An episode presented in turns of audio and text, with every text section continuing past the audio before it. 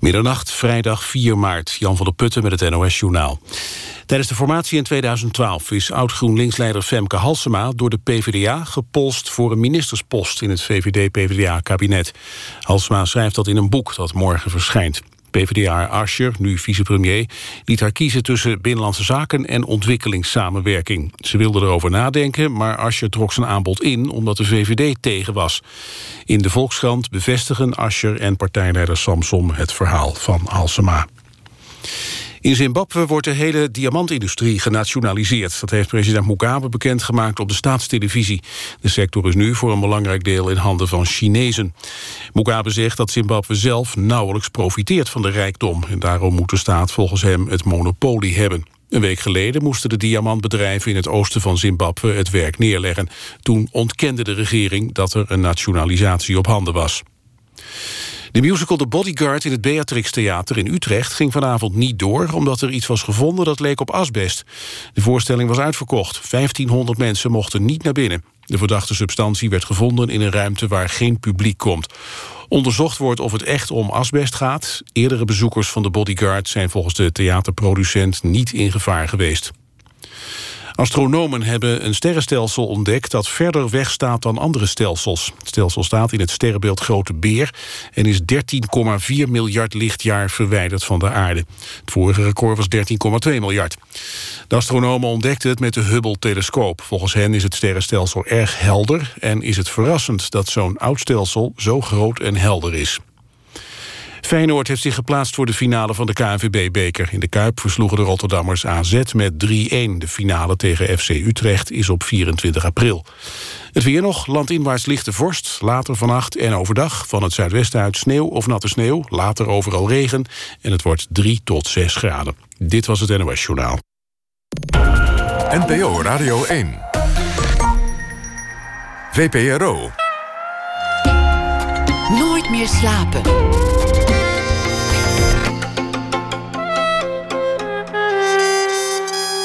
Met Pieter van der Wielen.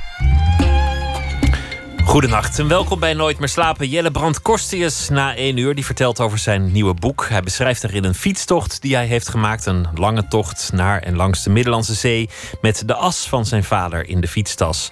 Lineke Rijksman komt langs van de mug met de gouden tand. Ze hebben een nieuwe voorstelling. De Frooitjes geen familie. Over het onvermogen om een keer je zegeningen te tellen.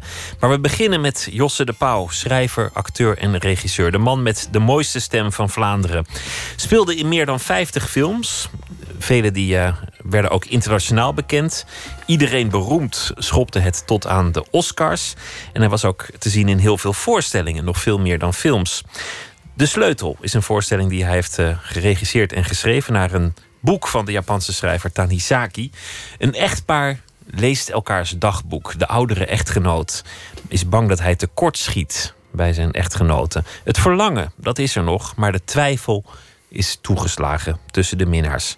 Josse de Pauw is ook als stem te horen. En Frida Pitors die speelt. En Fumio Ikeda die danst. Josse de Pauw is geboren in 1952 en groeide op onder de rook van Brussel.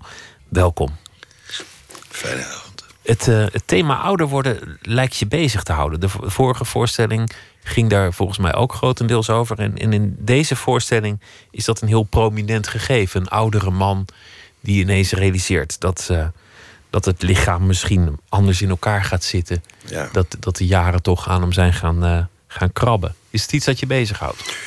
Ja, zonder uh, dat het dramatisch is. Maar ik denk dat ik al 40 jaar uh, voorstellingen maak. waarbij ik het materiaal voor de voorstelling altijd heel dicht bij mezelf zoek. Wat mij omringt, wat me bezighoudt. Wat in jouw leven zich aandient. Ja.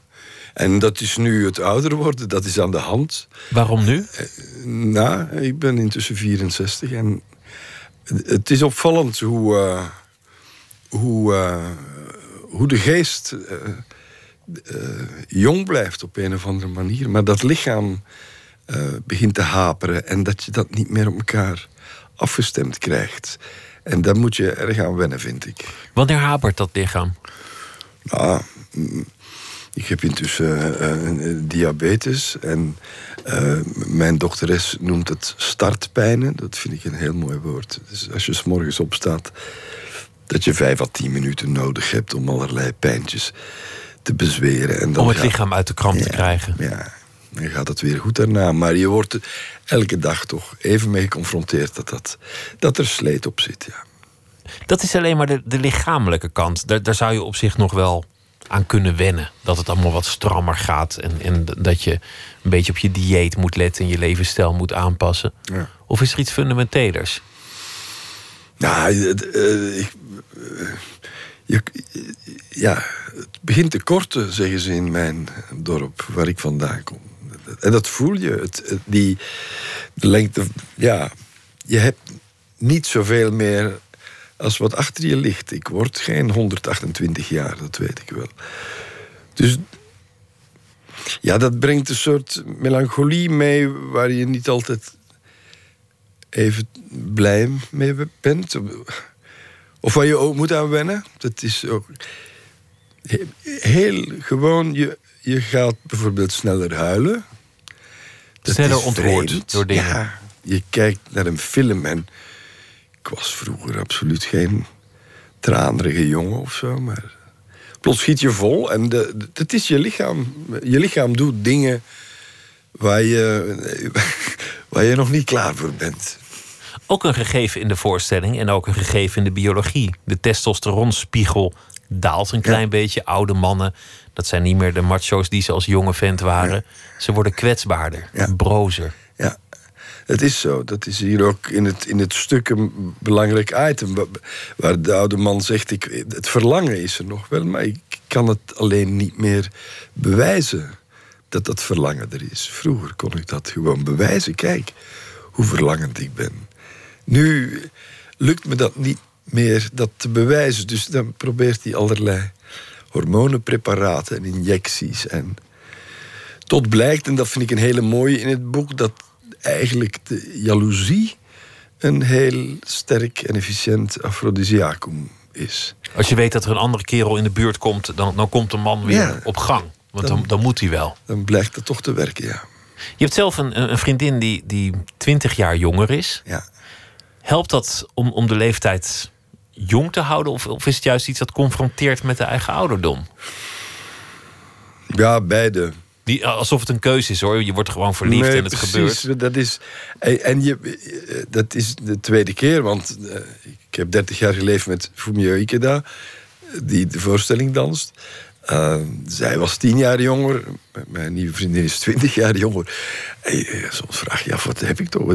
Heb ik dat dan zo nodig? Maar beide keren ben ik volgens mij gewoon verliefd geworden op iemand en heb ik nooit dat verschil in leeftijd gevoeld ook. We, we leefden gewoon met elkaar. Het zijn ook altijd heel ehm, zelfstandige levens geweest. Zowel dat van Fumio als dat van Christine nu, als het mijne. Iedereen eh, is met eh, zijn eigen theater bezig, is eh, veel op tournee. De liefde bestond er vaak vooral uit van in steun van elkaar te gaan voor dat leven. Van zeggen, kom op, ga en doe dat dan maar.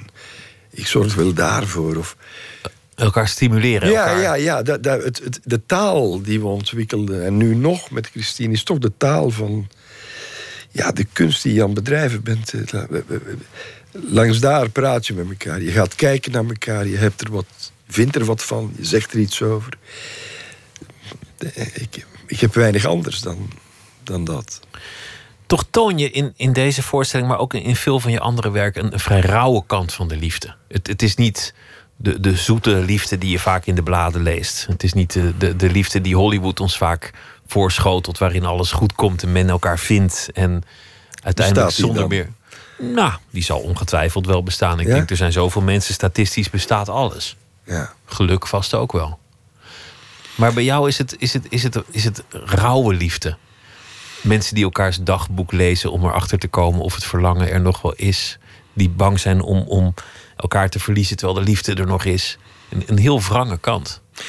Ja, ik, het, het, het is wat ik eh, om me heen eh, het meest gezien heb en, wat ik zelf het meest ervaren heb, dat is dat het vaak gestuntel is en vaak ger- rommeliger is dan als we erover schrijven of, of erover zingen of een film over maken.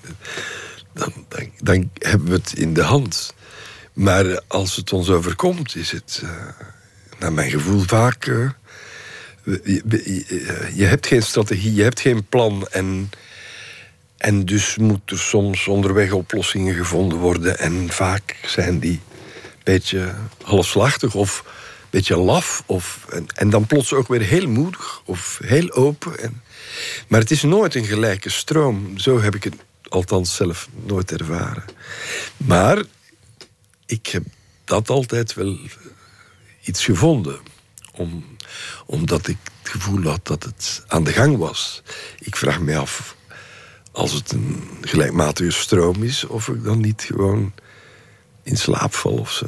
Het is juist zo mooi dat het, dat het moeilijk, rafelig, ik heb dat onvolkomen met, is. Ja, ik heb, ik, ik heb dat met, met het, het leven zelf ook. Ik, ik, ik ben hier graag. Uh, en dat heeft heel veel te maken met de vergankelijkheid zelf van het leven. En met het uh, rafelige. En met dat de dingen ruwe kantjes hebben. En, en niet gepolijst zijn. En ja, dat is wat mij boeit. Zeker voor een theatermaker lijkt me dat inderdaad een goede eigenschap om het, om het daar te zoeken. En niet alleen in het, het mooie, zoet gevoiste. Je zei het net al, je, speelt, je, je, maakt deze voorstelling samen met, met je ex-geliefde. Na, na een lange relatie, uit elkaar gegaan. En het boek waarop het gebaseerd is, speelt een belangrijke rol in jullie beide leven. Want de eerste keer dat je het las, heb ik gelezen, had je het van haar gekregen. Ja. Zij is van, van Japanse afkomst. Ja. Is het boek veranderd in je ogen? Want het was natuurlijk een heel andere fase in je leven, in jullie relatie, in de liefde. En dan lees je zo'n boek voor het eerst. En nu? Ik denk dat het, het boek is veranderd door, uh, door het feit dat ik ouder geworden ben. De, niet door wat er tussen Fumia en mij veranderd is. Ik denk dat wat ons verbaasde was toen zij me ja, uh, 35 jaar geleden of zo gaf. Dan als kennismaking met de Japanse literatuur. En toen we erover praten, ik las het in het Nederlands. Het, had een Nederlandse vertaling. En toen we erover praten, leek het bij momenten of we twee verschillende boeken hadden gelezen. En dat heeft veel te maken, dat had veel te maken met het feit dat ik was nog niet in Japan geweest toen. Intussen ben ik er heel vaak geweest, maar ik had nog geen decor, geen setting, geen kennis van, van Japanse mentaliteit of codes. Of... Dus ik las die Nederlandse vertaling en, en, en was heel erg geboeid door dat boek, maar. Maar zij schrok soms van hoe ik het gelezen had. Zij zei, zij heeft van in het begin gezegd, maar dit is ook een heel humoristisch boek. En dat, dat las ik er niet in. Dat kon ook heel moeilijk. Nu weet ik dat veel beter, of vind ik dat ook. Uh, als ik in het stuk heb ik uh, absoluut willen gebruiken. Op, als hij doodgaat, roept hij nog dat hij een steek wil om op krachten te komen en opnieuw te kunnen neuken. Om toch nog even een man te ja, kunnen zijn. Een groot stuk hij vlees. moest weer sterk worden, ja. Dat is voor Japanners nog veel grappiger dan voor ons natuurlijk. Zeker in die tijd. Absolute viseters en zelden vlees. Maar als iemand dan bifteki roept op zijn sterfbed... dan, ja, dan is dat komisch. Dat, Klampen dat... aan het leven, nog één keer willen schitteren. Hoe is het om, om samen te spelen met iemand die je, uh, met wie je samen bent geweest en dan uit elkaar bent en dan een voorstelling te maken die echt gaat over, over ja. relaties, elkaar verliezen, verlangen blijven houden, vervreemd van elkaar raken, elkaar niet begrijpen, niet kunnen communiceren. Ja. En dan ook nog een boek dat je aan haar te danken hebt. Ja, ik denk dat het ons allebei ontzettend veel deugd doet. Ja, ik, heb dat, het is zelfs onderweg in de repetities al eens uitgesproken.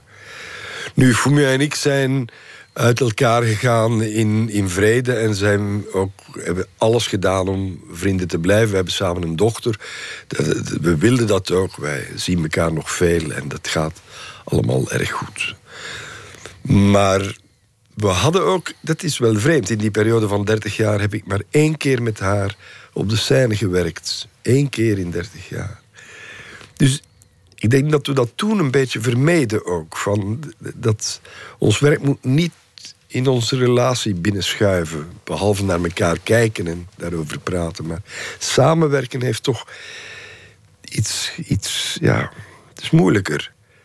Terwijl dit nu zo, uh, hoe moet ik dat zeggen? Het was heel bevrijdend voor ons allebei. We hebben ook heel aangenaam was het om te werken met elkaar. Heel, je hebt natuurlijk ook 30 jaar samengeleefd. Je, je, maar je zei net dat je sneller vol schiet, dat, dat je melancholieker bent geworden. Dat, je, dat je ook toch bezig bent jezelf te onderzoeken en terug te kijken. Dat, dat, moet dan, dat moet dan ongetwijfeld ook een sentimentele reis zijn geweest als je over zo'n onderwerp een, voorstelling maakt met iemand die je zo dierbaar is. Dat klopt. Dat klopt enerzijds, maar dat heeft het alleen maar fijner gemaakt. Het is natuurlijk zo dat je, je, mag, het, je mag het daar niet laten in klem lopen. Je, een, een stuk moet over veel meer gaan, moet, moet kunnen universeel worden. Ook als ik een old monk maak, wat eigenlijk over mijn eerste confrontatie met die diabetes gaat, wat ik met drie jazzmuzikanten gemaakt heb, dan gaat het over een ouder wordend lichaam. Maar dat moet niet alleen maar over mijn ouder wordend lichaam gaan. Dat moet, dat moet veel meer zijn dan dat, anders is het geen theaterstuk. Het moet over iedereen gaan. Je hield altijd van Brussel. Je hield van de stad, je hield van de nacht. Je hield van, de, van de cafés. Op café gaan, zeggen ze in België. Je hield van een, een mergpijpje uitgesmeerd op een toosje. Je hield van, van bier, van drank, van wijn, van roken, van, van cognac. Dat heb je allemaal waarschijnlijk achter je moeten laten nu. Vanwege de diabetes, of niet? Nee? Nee, eh, de, alles wat je noemt doe ik nog, denk ik. Alleen ik kan niet meer door de nacht. Tenzij ik een, daarna een dag vrij heb. Dan wil ik dat nog wel eens meemaken. Maar alweer dat lichaam stelt andere eisen. En je moet daar ook naar luisteren, anders dan hou je dat niet vol. Vroeg naar bed gaan of een dutje doen? Ja, dat soort dingen moet zeker nu. Maar mijn wijntjes en mijn mergpijpje met mate. Maar ik zal hem... Uh, en ik rook nog steeds. Dat is dom, maar niet anders. Het gaat natuurlijk niet echt om het mergpijpje en het, en het wijntje. Maar het gaat natuurlijk uiteindelijk om, om de stad. Om, om het leven. Om, om de reuring. Ja, en ook om, om de. De nacht heeft voor mij altijd een soort van bevrijdende twijfel gehad. Uh, ik heb ooit iets geschreven in de trant van. De, uh, in de nacht worden, worden er vragen gesteld. En straks, als het licht wordt, worden er weer volop antwoorden gegeven. Die meestal ook maar halve antwoorden zijn. Maar die, die, die zelfverzekerdheid van overdag, dat gedrag van mensen overdag, weten waar ze heen gaan. S'nachts vallen mensen uit hun rol. Ja, maar dat is dat, dat, dat, het ook een beetje gewild. Er is minder volk op de baan s'nachts ook. Er, er is wat meer ruimte.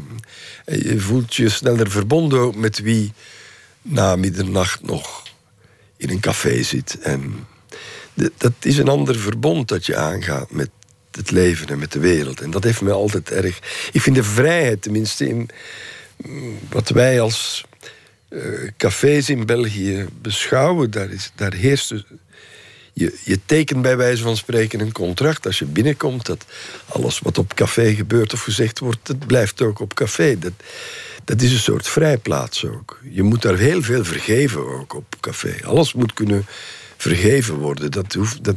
Had je dat ook nodig om te kunnen schrijven en om voorstellingen te kunnen maken? Om, ja. om veel in het café te zijn? Ja, ik denk dat ik. Uh, ik heb heel veel gezien, meegemaakt in café. Heel veel gesprekken met de meest uiteenlopende soorten mensen gevoerd. Hele rare uh, emoties ook beleefd in cafés. Ik, ik had een stamcafé in Brussel waar het was eigenlijk ook, er was nog geen mobieltje. Er was, bedoel, iedereen wist een boodschap op een bierviltje schrijven en achterlaten in een café. En dat komt terecht bij.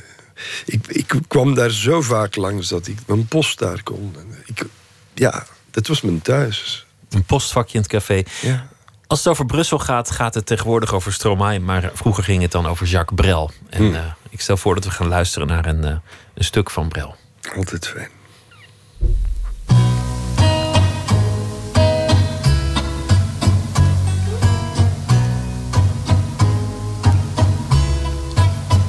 Quand on n'a que l'amour à s'offrir en partage au jour du grand voyage qu'est notre grand amour. Quand on n'a que l'amour, mon amour, toi et moi, pour qu'éclate de joie chaque heure et chaque jour. Quand on n'a que l'amour pour vivre nos promesses sans nulle autre richesse que d'y croire toujours quand on n'a que l'amour pour meubler de merveilles et couvrir de soleil la laideur des faubourgs, quand on n'a que l'amour pour unique raison, pour unique chanson et unique secours, quand on n'a que l'amour pour habiller matin pauvres et malandrins de manteaux de velours, quand on n'a que l'amour à offrir en prière pour les maux de la terre, en simple troubadour, quand on n'a que l'amour à offrir à ceux-là dont l'unique combat est de chercher le jour, quand on n'a que l'amour tracer un chemin et forcer le destin à chaque carrefour. Quand on n'a que l'amour pour parler au canon et rien qu'une chanson pour convaincre un tambour. Alors sans avoir rien que la force d'aimer,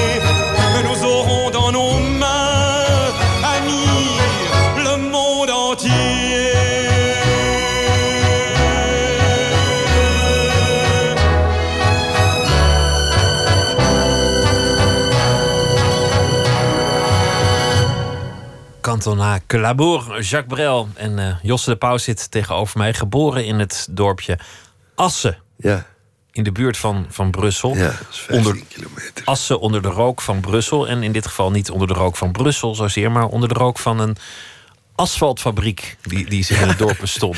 Ja, In die de stond in. Ja, die stond in Assen. Ja, het bijzondere is dat als ik daaraan terugdenk, dat was.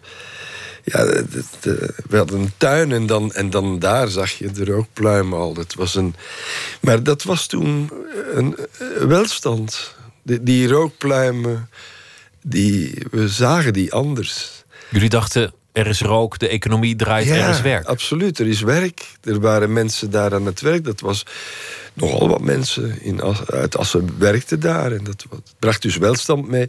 Dat is verwonderlijk hoe je... We kunnen ons niet meer voorstellen hoe je naar die rokende schoorstenen nu zou kijken. En, je, en dat je ooit gedacht hebt van, goh, wat goed. Ze Maar was het dan, hoe erg was het? Moesten de ramen dicht als de wind verkeerd stond? Moest de was Ja. binnen worden, worden opgehangen? Ja, klopt. Ja, die was moest binnen als, eh, als moeder de was ophing in de tuin en de rook stond eh, verkeerd. Dan Rook moesten naar- dat beter niet doen, want dan, Teer. ja, dan werd hij gewoon zwart. Ja, of zwart is over bij grijs. Ja, dan het was er neerslag. Ja. Was het een, een, een, eh, een streng milieu waarin je opgroeide of juist niet? Nee.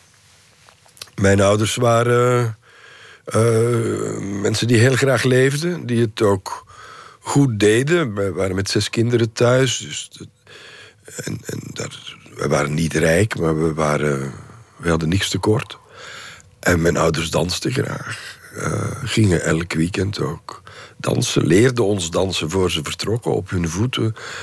Het was vaak eh, veel vrolijkheid in huis. En later bij het puberen en zo. eh, eigenlijk heel breed denkend voor de tijd. vind ik nog altijd. Heel erg bereid tot, tot ruimte geven, tot geduld.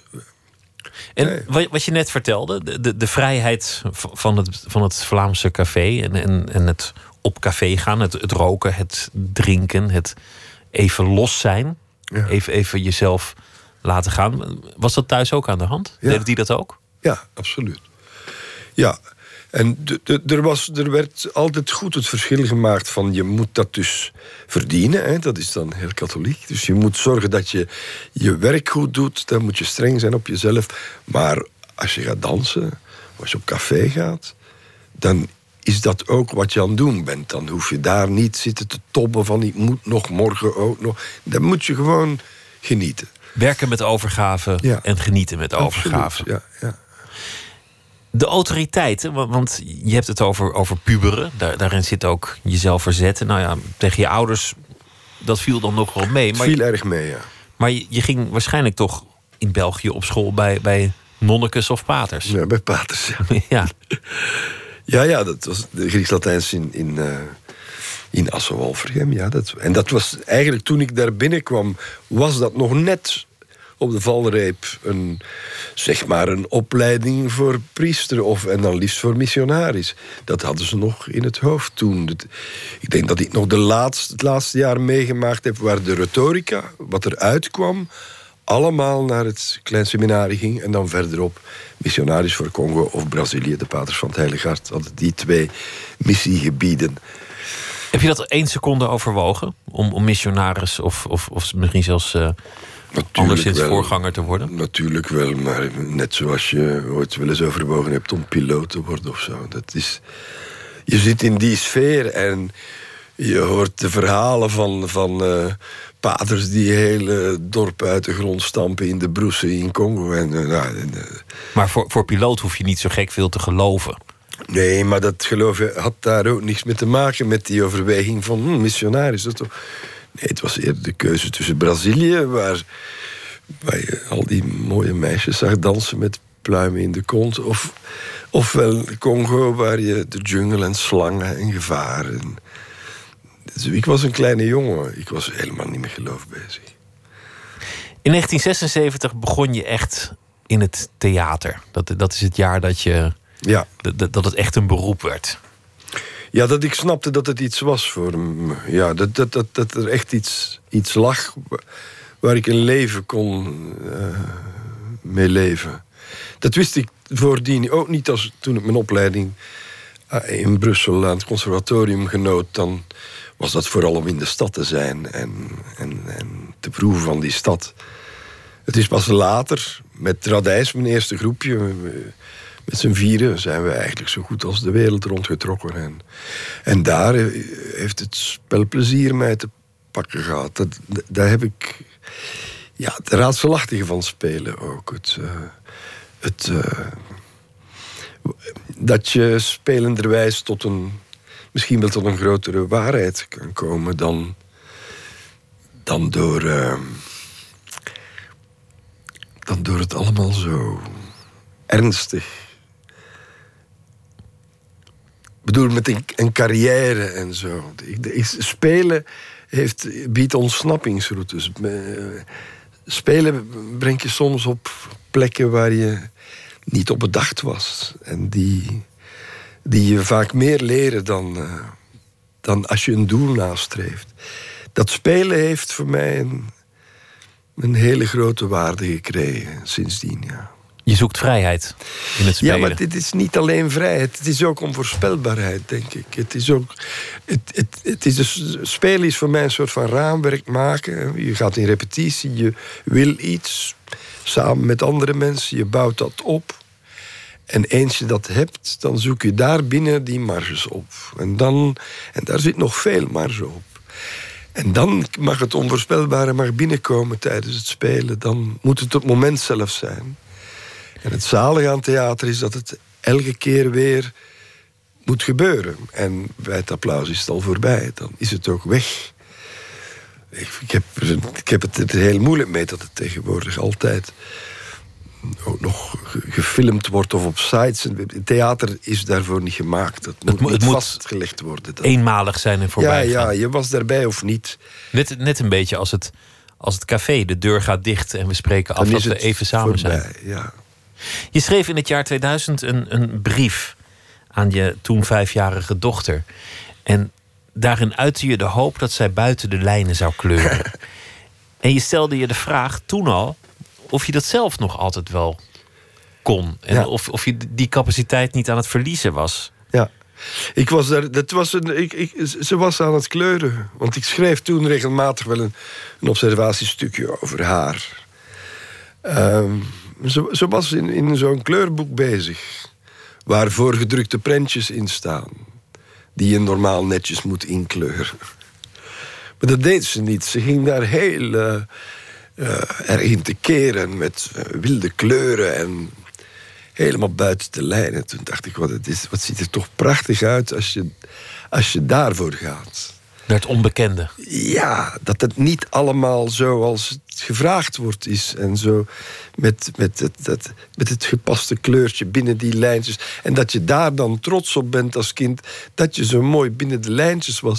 Ik was toen zo ontroerd door haar die er zo en, want ik weet nog dat we toen bij een slapende Donald Duck kwamen. En dat, ik was aan het meekleuren. En toen zei ze van, dat we heel voorzichtig moesten kleuren. Want dat hij anders wakker zou worden. Dat dat hoofd zo aan de gang gaat. Terwijl je met die kleuren in de weer bent. Dat, ja, toen vroeg ik me dat af. Ja, in hoeverre, want het is iets dat me dierbaar is. In hoeverre doe ik het? In hoeverre kan ik het nog zoals zij het hier nu doet? Zo. Want je, je zei net dat, dat dat is wat je zoekt in spelen. Dat, dat, dat je buiten de grenzen treedt. Dat, dat je buiten het voorspelbare treedt. Je kunt natuurlijk als acteur ook heel makkelijk in een soort stramien komen. Of, of, of binnen de veilige route gaan. Of gewoon dingen op techniek doen. Of, of ergens goed in zijn geworden. Of je houden aan de regels van het métier. Ja. Er zit natuurlijk ook ontzettend veel routine in waar, waar we helemaal niet overdreven romantisch over moeten doen. Nee, dat kan ja. En dit, dit, is, dit is zaak voor mij om daar over te waken. Ik, ik hou ook al niet zo van het, uh, van het woord métier in, in theater. Ik bedoel, natuurlijk is dat het. Maar we zijn geen meubel maken. Dat, uh, het dat moet meer zijn dan dat. Aan bepaalde wetten beantwoord. Het, het, het, het is het is. Uh, en ik zoek die marges op. En ik werk met jazzmuzikanten die elke avond andere muziek spelen. En om me uit te dagen en om te zorgen dat ik die marges opzoek. Maar dan nog zie ik af en toe wel eens iemand die nog een stuk verder gaat. En daar word ik toch altijd heel vrolijk van. En tegelijkertijd denk ik dan, wat zit je zelf toch te priegelen. Is dat de rode lijn die in, in jouw carrière te vinden is? Want je, je hebt altijd gekke keuzes gemaakt vanuit het oogpunt van een buitenstaander. Je bent nooit toegetreden tot een grote gezelschap, ook al had het makkelijk gekund. Als er, een, als er een grote filmrol was, dan duurde het heel lang voor de volgende kwam. Of dan kwam er een heel ander soort project. Je schoot altijd alle kanten op en deed nooit datgene wat je had moeten doen om, om dat ene hele grote succes te herhalen of een nog groter succes te behalen. Maar het, het, het, is angst voor saaiheid. Niet alleen bij mij, maar ook ik snap de mensen soms niet. Ik bedoel, ik weet wel waarom. Ik, ik ben een wijnliefhebber. En een wijn is echt een, een, een, dat, is dat leeft. Hè. En als ze nu de trucken gevonden hebben om die wijn helemaal vlak te maken, zodanig dat degene die die fles wijn koopt elke keer diezelfde smaak heeft, dan moet je eigenlijk de wijn voor vermoorden. Om elke keer precies die smaak te hebben. Maar ja, dat zal nooit lukken, want, want met wijn, volgens mij. Nou. Je, kunt, je kunt het helemaal chemisch ontleden en, en helemaal maken. Maar dan, dan zou je toch niet de nou, magie hebben van, van een echte. Nou, je kan ook er zoveel eikenschaafsel in kappen dat je niks anders meer proeft dan eik. En dat heb je bij sommige van die Californische wijnen. Heb je dat. En dat zijn ook de wijnen die in de rekken staan, die mensen makkelijk kopen. Omdat dat is een lekker wijntje. Ik, maar jij zoekt de magie. Jij wil, jij wil iets onverklaarbaars. Ik, ik, ik, zou het liefst willen dat. Ik wil het liefst dat mensen die mij volgen, zeg maar. En er zijn er. Mensen die naar mijn voorstellingen komen. Dat, dat het soort mensen is dat. Uh, niet op voorhand hoeft te weten wat ze gaan krijgen. Dat is, daar is toch niks aan. Dat betekent dat je ook vaak op je bek moet zijn gegaan. als het echt zo. zo onvoorspelbaar was. Dat is zo. Maar wij noemen dat ook vanuit een bepaalde. Vanuit een, ja, vanuit een bepaalde houding noemen we dat dan eh, op de bek gaan. Maar ik heb ook voorstellingen gezien. Zogenaamd mensen die op hun bek gingen, maar die, die ongemeen boeiend waren. En waar ik heel enthousiast over was. De manier waarop iemand dan op zijn bek ging was briljanter dan. Uh, veel métier die ik in mijn leven gezien heb. Het vreemde aan jouw vak is dat je altijd toewerkt naar een oordeel. een applaus van de zaal, een, Ja. een recensie, een oordeel, een boeker die je terug wil hebben, Ja. een prijs, geen prijs, een nominatie. Altijd, altijd maar bezig met die toeschouwer. Je, je maakt me niet wijs dat, dat, dat je je daaraan kunt, ont- kunt onttrekken. Toch. Toch wel. Eh, want ik ben het niet mee eens. Ik werk daar niet naartoe. Het is zeker zo dat het oordeel. Het is een tweesnijdend zwaard. Dat is aan de ene kant heb je daar veel plezier aan, dat, aan een eventueel applaus, aan een eventuele prijs. Maar je gaat niet het repetitiehok in eh, om te zeggen: we gaan eens eh, naar een prijs toe werken. Of we gaan eens zorgen dat ze hun handen stuk klappen. Ik, dat zo, zo gaat het niet. Je ziet wat je, gaat, wat je gaat maken, ontstaat onderweg. En dan hoop je dat dat publiek je daarin wil volgen. En ziet en voelt wat jij gezien hebt en gevoeld hebt. En als dat lukt, is dat fantastisch. Nu, daarbij komt dat. Ik ben nu eh, ja, 40 jaar aan het theater maken. En. eh, soms denk ik, het, dat, is, dat is het vermoeiendste. De- de- eh, continu beoordeeld worden. Terwijl het zonder natuurlijk niet kan. Maar dat begint soms zwaar te wegen. Wat bedoel je daarmee? Dat het zwaar begint te wegen? Dat, dat je soms denkt, eigenlijk zou, zou ik het ook wel zonder publiek willen. Nee, nee, nee, dat kan niet. Nee, maar soms ben je, ja, je begint de beoordelaars ook goed te kennen. Hè. Ik Je, je begint ze goed in te schatten. Soms zijn er mensen waarvan ik denk, ja, nou ja, ja. zeg het dan maar. Maar dat, dat vermoeit bij momenten. Dat denk ik, oh, moet er weer eens iemand... eh, Dat zou ook een voordeel van ouder worden kunnen zijn, dat je, dat je relativerender wordt daarin. Dat je denkt, nou ja, ach, ik weet het inmiddels zo. Ik weet wel hoe het zit. Ja, je kan er, denk ik, ja. Maar het doet toch altijd pijn hoor, als het negatief is. Het gaat nooit over. Je wil. eh, Maar je, je hebt zoveel prijzen gewonnen, zo'n enorme staat van dienst. Is er nog steeds die honger bij jou? Is er nog steeds iemand die, die zich wil bewijzen? ehm, ja, maar niet, denk ik, in competities of zo. eh, in, naar prijzen. Of, maar ik weet wel dat ik erg graag in buitenlanden speel, bijvoorbeeld. En dat is natuurlijk, het plezier daar ligt hem in het feit dat... Je, ik, ik ga, zondag vertrek ik naar Brazilië, ik ga in Sao Paulo een Old Monk spelen. Geen Braziliaan die mij kent. Dus ik moet ze veroveren. En dat is toch... Daar zit een apart plezier aan. De spanning weer. Ja, niemand die Jos de Pauw daar kent. Dus eh, als, als ik ze meekrijg, dan is dat met wat ik doe. En niet met wie ik ben. Dat Is dat, is dat nog steeds hetzelfde als toen je een jonge man was? Toen, toen je, toen je een, een twintiger was die daar op dat podium stond... en met knikkende knieën zichzelf moest vermannen om, om die zaal in te gaan... die dat licht zag, die niet dat publiek kon aankijken. Ik geloof het wel, ja. Dan ben je jong. Ik geloof dat er nog weinig veranderd is op dat vlak. En er zal natuurlijk... Zal, is, er, is er 40 jaar ervaring, maar het is maar de vraag wat we van onze ervaringen leren. Ik weet het niet. Het is toch altijd een andere situatie, toch altijd nieuw. Eigenlijk leer je geen donder. Denk het niet. Heel weinig, ja. Laten we luisteren naar een, eh, een nummer dat eh, Daniel Lohuus eh, schreef over, een, over de nacht. Hij kreeg inspiratie tijdens een nachtelijke autorit. En thuis werd het een liedje. Waar gaan we naartoe?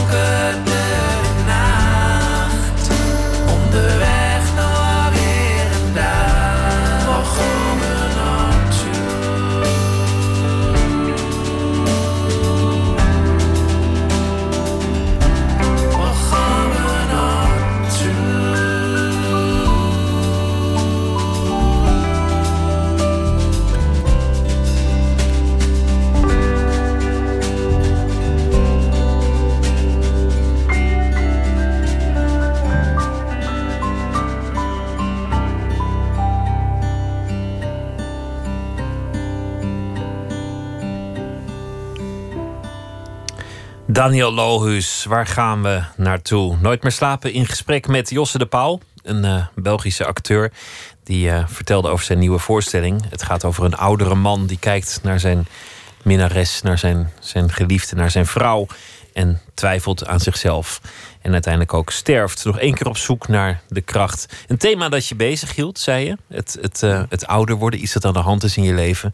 Je hebt last gekregen van kwaaltjes. Het gaat allemaal niet meer zo soepel. Als je opstaat, dan duurt het zeker tien minuten voordat alles weer lekker beweegt en niet meer kraakt. Je hebt er niet al te hard aan toegegeven. Je, je leeft nog zoals je wilde leven. Je gaat nog op café. Daar drink je wijn. Daar rook je sigaretten. Daar eet je mergpijpjes. Iets meer met mate dan vroeger. Maar dat, dat zoek je omdat een café een plek is, een ruimte waarin een soort vrijheid heerst. Waarin mensen kunnen experimenteren buiten de lijntjes kleuren. Waarin ze niet zo strak in hun vorm zijn gegoten. Als wanneer ze overdag aan het werk zijn of in een andere gelegenheid zijn. Iets dat je ook in het theater zoekt. Het onvoorspelbare. Niet bij een gezelschap gaan. Niet er een métier van maken. Je, je hield al niet van het woord. Je wil het voor jezelf spannend maken. Buiten de lijntjes kleuren. Dat viel je op bij je dochtertje toen ze vijf was. Dat ze, dat ze een kleurplaat zat te maken en helemaal niks zich aantrok van die lijntjes en iets veel mooiers maakte. En je vroeg je af, kan ik dat zelf eigenlijk nog wel? Dat, dat buiten die lijnen kleuren. En toen zei je over dat oud worden ook nog. Ja, de, de, de tijd. Dat, dat is toch wel iets dat niet meer je vriend, maar je vijand aan het worden is. De tijd wordt korter. Je had er een mooiere uitdrukking voor, die ik vergeten ben. Ja, het begint te korten. Het begint te korten. Ja. Ja, van nu af aan begint het te korten. En, eh, en dat voel je. Dat, dat, het voert je in je denken, het schiet je door het hoofd terwijl je aan het schrijven bent of aan het denken bent over een, een voorstelling. Ja, eh, eh, ik ben ook sluipend steeds meer gaan werken. Steeds meer gaan doen de laatste 10, 15 jaar. Ik, er zat vroeger veel meer ruimte tussen de verschillende projecten of dingen die ik deed.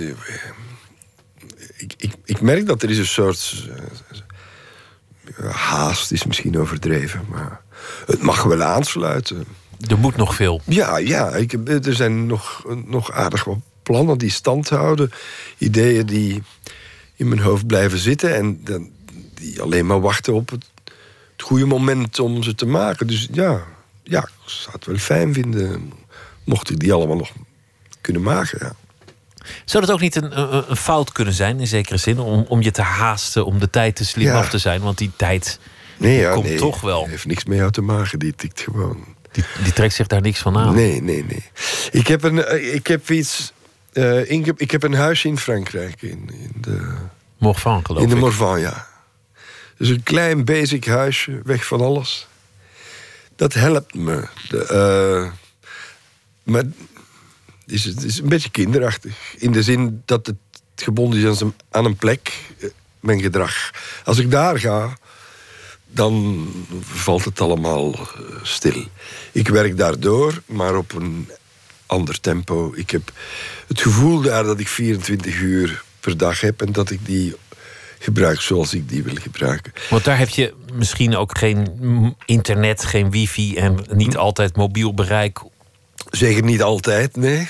Het, het is er wel, maar, uh, maar het is niet in gebruik zoals het hier in gebruik is. Het heeft die routine niet. En, uh, uh, mensen weten ook stilaan als ik daar ben dat ik eigenlijk weg ben. Dat ik er eigenlijk niet ben. En dat heeft, dat heeft een, raar effect op me. Terwijl ik me toch altijd als een soort stadsmens gezien had.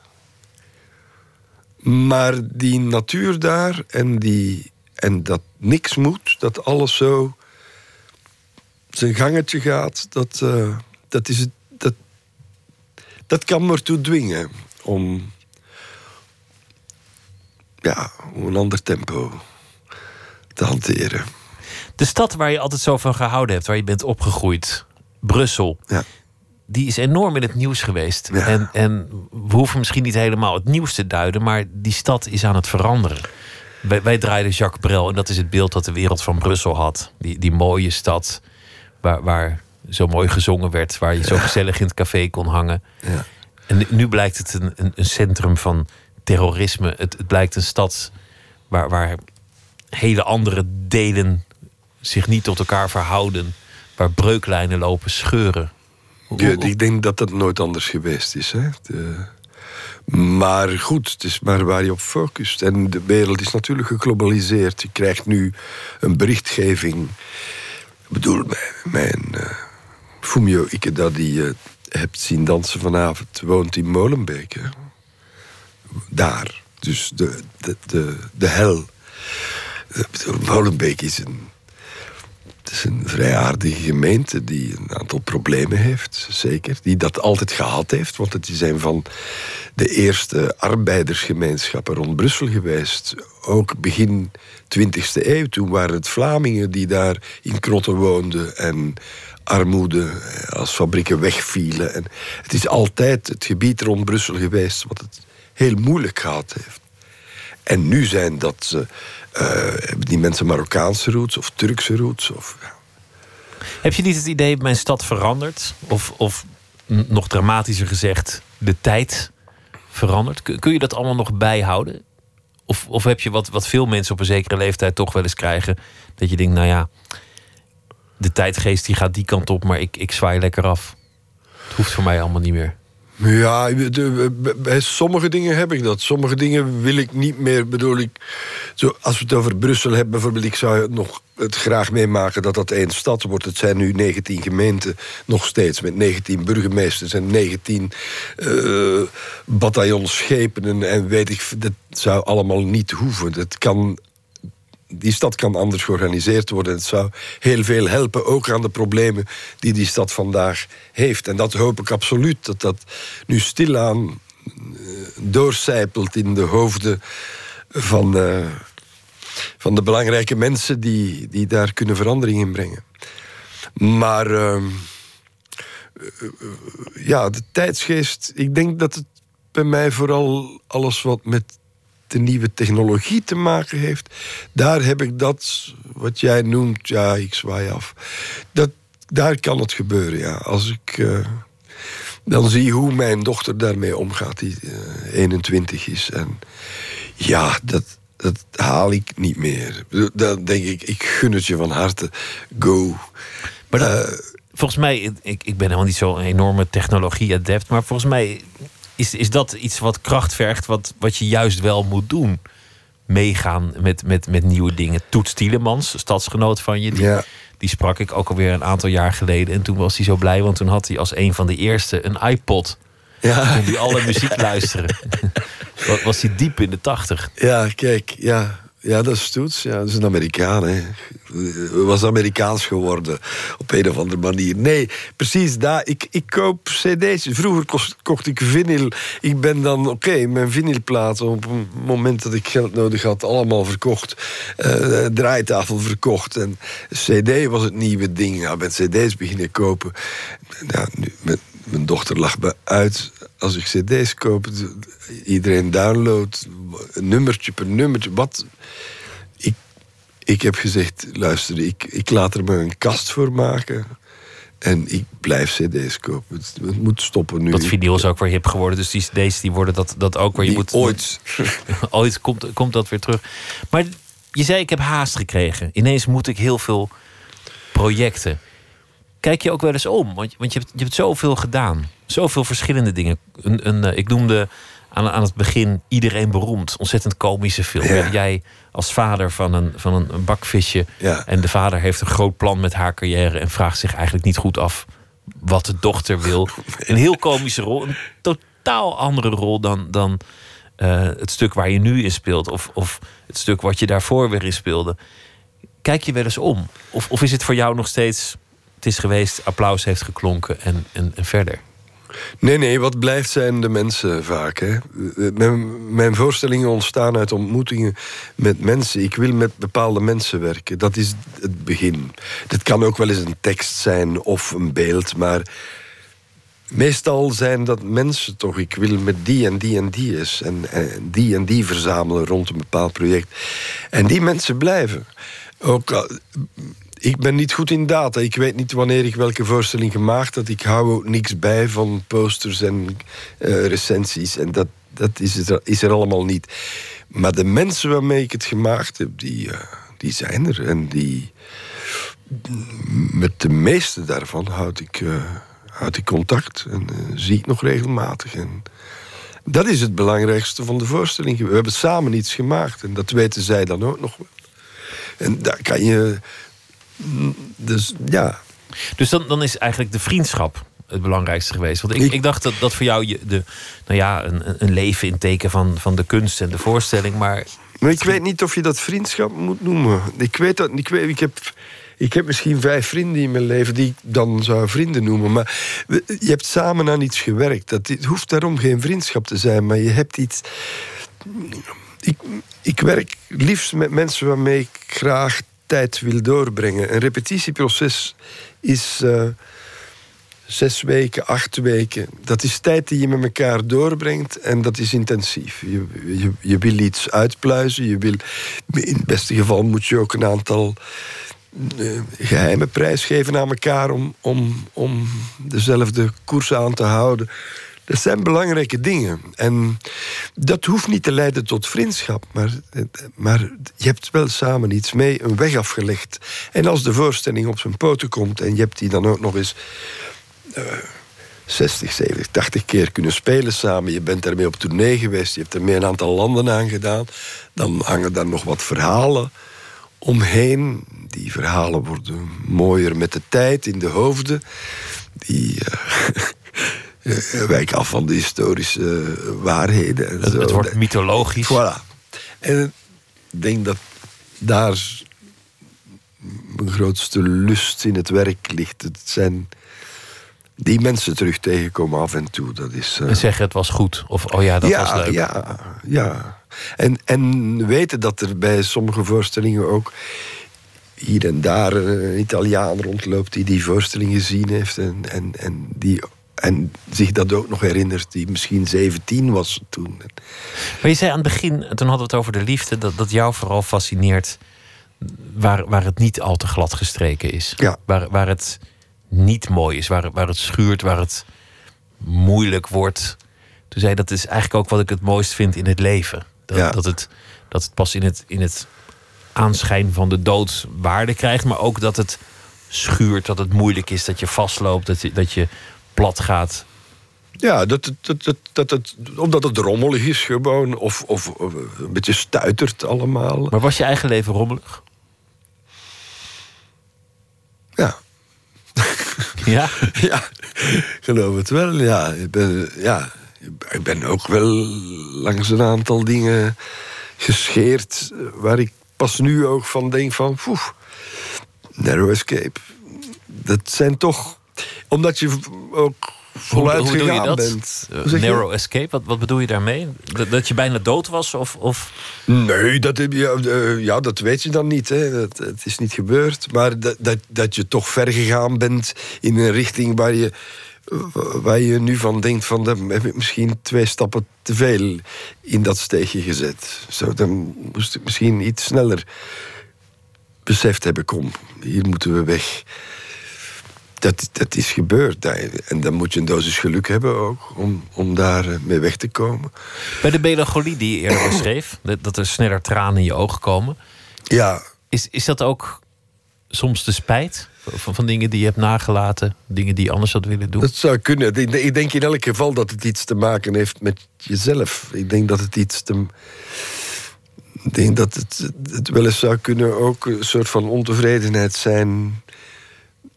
Ehm, met hoe je zelf bent of geweest bent in bepaalde situaties. Je ziet, je wordt geconfronteerd met een beeld op televisie. En dat ontroert je zo. Dat iemand daar in een bepaalde situatie een soort van groothartigheid heeft. Of een, ja. Ik denk dat het eh, iets te maken heeft, maar ik ben daar nog niet uit hoor. Met dat je dat van jezelf vindt, dat je dat te weinig. Dat je te weinig gegeven hebt op een bepaald moment. Of te weinig, te weinig genereus geweest bent. En, en dat, dat, dat, dat de confrontatie is. Dat zou best wel eens kunnen. Maar hoe dat nu precies in zijn werk zit, dat maak ik nog wel eens een stuk over.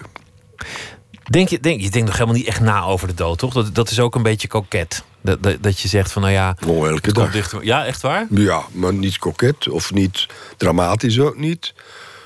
Maar ik denk dat zo goed als elke dag het wel eens door mijn hoofd schiet. Ja, van, En hoe komt dat dan, zo'n omdat gedachte? ik eh, niet graag weg wil. Maar in welke gedaante komt die gedachte? Dat je denkt, oh, die is er ook al niet meer? Of, eh, Oh ja, dat is de. de, ehm, dat zijn.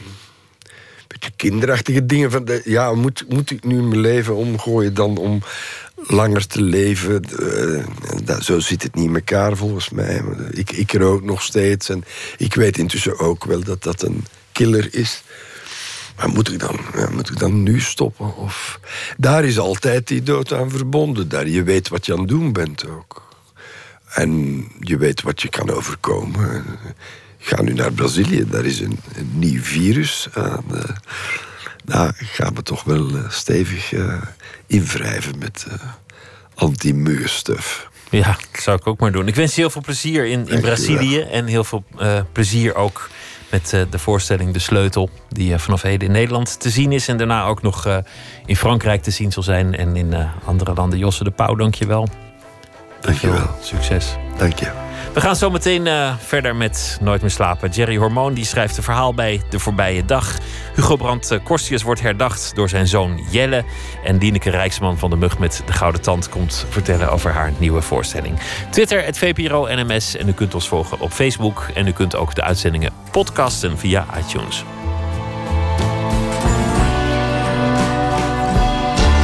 Op Radio 1. Het nieuws van alle kanten.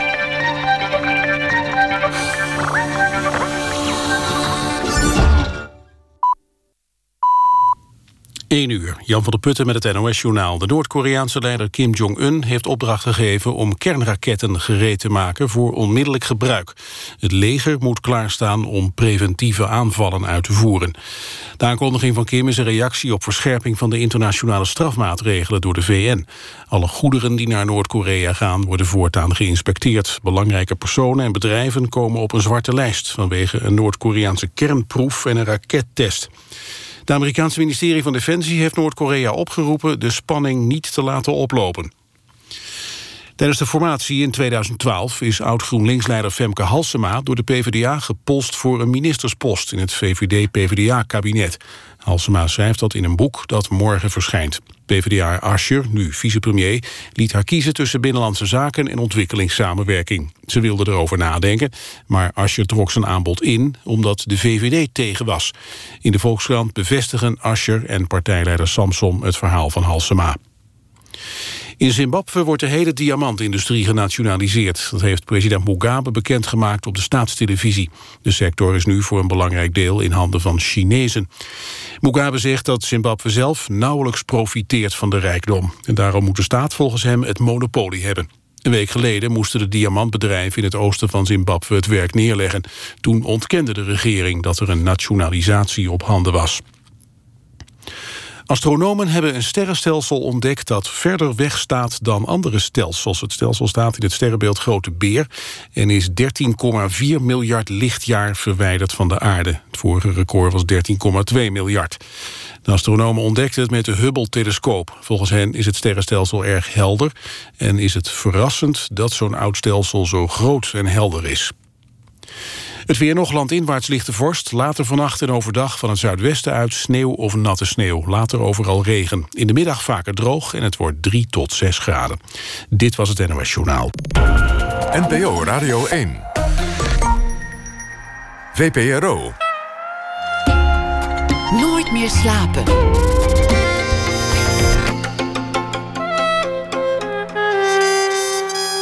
Met Pieter van der Wielen. Zometeen een uh, gesprek met uh, journalist Jelle Brand Korstius over As in Tas. Een uh, boek over een fietstocht en over een tocht waarin hij ook herinneringen ophaalt aan zijn vader, columnist en taalkundige Hugo Brand Korstius. Lineke Rijksman van de Mug met de Gouden Tand komt langs in de rubriek Open Kaart om te vertellen over de nieuwe voorstelling van Mug met de Gouden Tand. Maar we beginnen met Jerry Hormoon. Hij is gitarist in een punkrank rockband. En hij schreef eerder ook een kinderboekenserie Borren onder de naam Jeroen Aalbers en onlangs een eerste verhalenbundel Het is maar bloed. Deze week zal hij elke nacht de voorbije dag samenvatten in een verhaal. Jerry, goeienacht. Goedenacht Pieter, hallo. Vertel eens, wat, uh, wat was het voor dag? Wat is je opgevallen?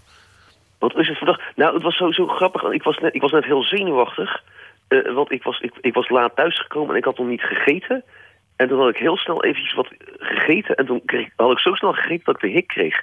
En Ah. toen dacht ik van, oh, ik moet, over, ik moet over tien minuten op de radio zijn. En ik heb een verschrikkelijke hik. Dus ik, ik, heb, ik heb op mijn kop gestaan. Ik heb, ik, heb, ik, heb, ik heb water gedronken op zijn kop uit het glas. Maar, en, en volgens mij is het weg. Nou, volgens mij ook. Er is, is niks te horen. Ja. Nee, dus nee, dat, dat heeft Nee. gewerkt op je kop staan en water drinken. Ja, ik zit er nog een beetje tegenaan. Maar volgens mij ben ik, ben ik oké. Iemand heel erg aan het schrikken maken, dat helpt ook. Dus ik zal nadenken Ja, over ja iets. mijn, mijn, vriend, mijn vriendin te slapen. En om naar jezelf aan het schrikken te maken, dat is echt eh, lastig. Ja, ik weet niet hoe ik jou aan het schrikken maak. Nee, volgens mij, maar volgens mij ben ik ook oké nu hoor. Oké, nou dan, dan, eh, dan eh, ben ik nog steeds benieuwd wat het, wat het verder voor dag was. Oh, ja, nou, ik, ik was, ik, was ik, zat- ik, zat, te denken over, over dat hele referendum, hè? Van, van Oekraïne, van dat verdrag. Ja, van Oekraïne en zo. Waar, waar ik, ja, ik- snap, snap jij daar iets van? Nou ja, volgens mij snap ik het wel, maar ik zie eigenlijk het belang van dat verdrag niet zo. Ik bedoel, ik zie, zie niet het, waarom het dit nou net een referendum Ja. moet worden. Ja, ja precies. Nou, dat heb, dat heb ik dus ook van. nou, ja, ik snap wel wat er ongeveer gebeurt, maar ook niet precies. Van waarom is dit nou opeens een, eh, een ding, hè? Waarom moeten, waarom moeten wij ons daar nou opeens allemaal druk over maken? En een mening en dan- over vormen, ja. Ja, ja, moet ik opeens daar een mening over vormen. Dat vind ik dat vind ik heel vermoeiend, vind ik dat. Eh, en ook onnodig. Uh, uh, maar dan ook dat, weet je wel, dat ik heb natuurlijk wat, wat gisteren werd er dan bekend wat er dan wel en niet uh, subsidie krijgt. Dat is dan, goed, dat is dan 2 miljoen of zo wat ze dan uitgeven. Dat maakt niet zo heel veel uit. Maar dat is dan voor stroopwafels en toiletpapier. En dan blijkt vandaag weer dat dat geen pijl, dat heeft dan of wel of niet terecht subsidie gekregen voor een advertentie in de Telegraaf. Het is allemaal, het is allemaal zoveel ophef om de ophef lijkt wel. Ja, het, het, het houdt ons lekker bezig. Ik ben ja, benieuwd naar het verhaal dat je hebt geschreven. Gaat, gaat het daar ook over? Ja, ja, ja, want anders zou het een beetje een, een onzinnig intro-praatje zijn. Hè? Ja, ja. gaat het over. ga je gang. Komt-ie. Even over dat referendum, waar wij het dus net al over hadden. Dat over de EU en de Oekraïne en zo. Ik zal me meteen met de deur in huis vallen. Ik blijf 6 april, referendum in je bil, lekker thuis. Niet omdat ik lui of geïnteresseerd ben, ongeïnteresseerd ben. Ik stem altijd braaf bij de Tweede Kamerverkiezingen. Maar dat is ook niet zo heel moeilijk. Heb je een hypotheek, dan stem je VVD. Vind je nivelleren een feestje? P van de A. Ben je vegetariër of veganist? GroenLinks of Partij voor de Dieren? Ben je als dood voor Turken, Syriërs, Marokkanen, Antillianen, Surinamers, Tsjechen, Polen en of Roemenen? Ga voor. Ja, of voor de VVD natuurlijk. Zelf stem ik overigens altijd D66 omdat ik denk dat ik een intellectueel ben.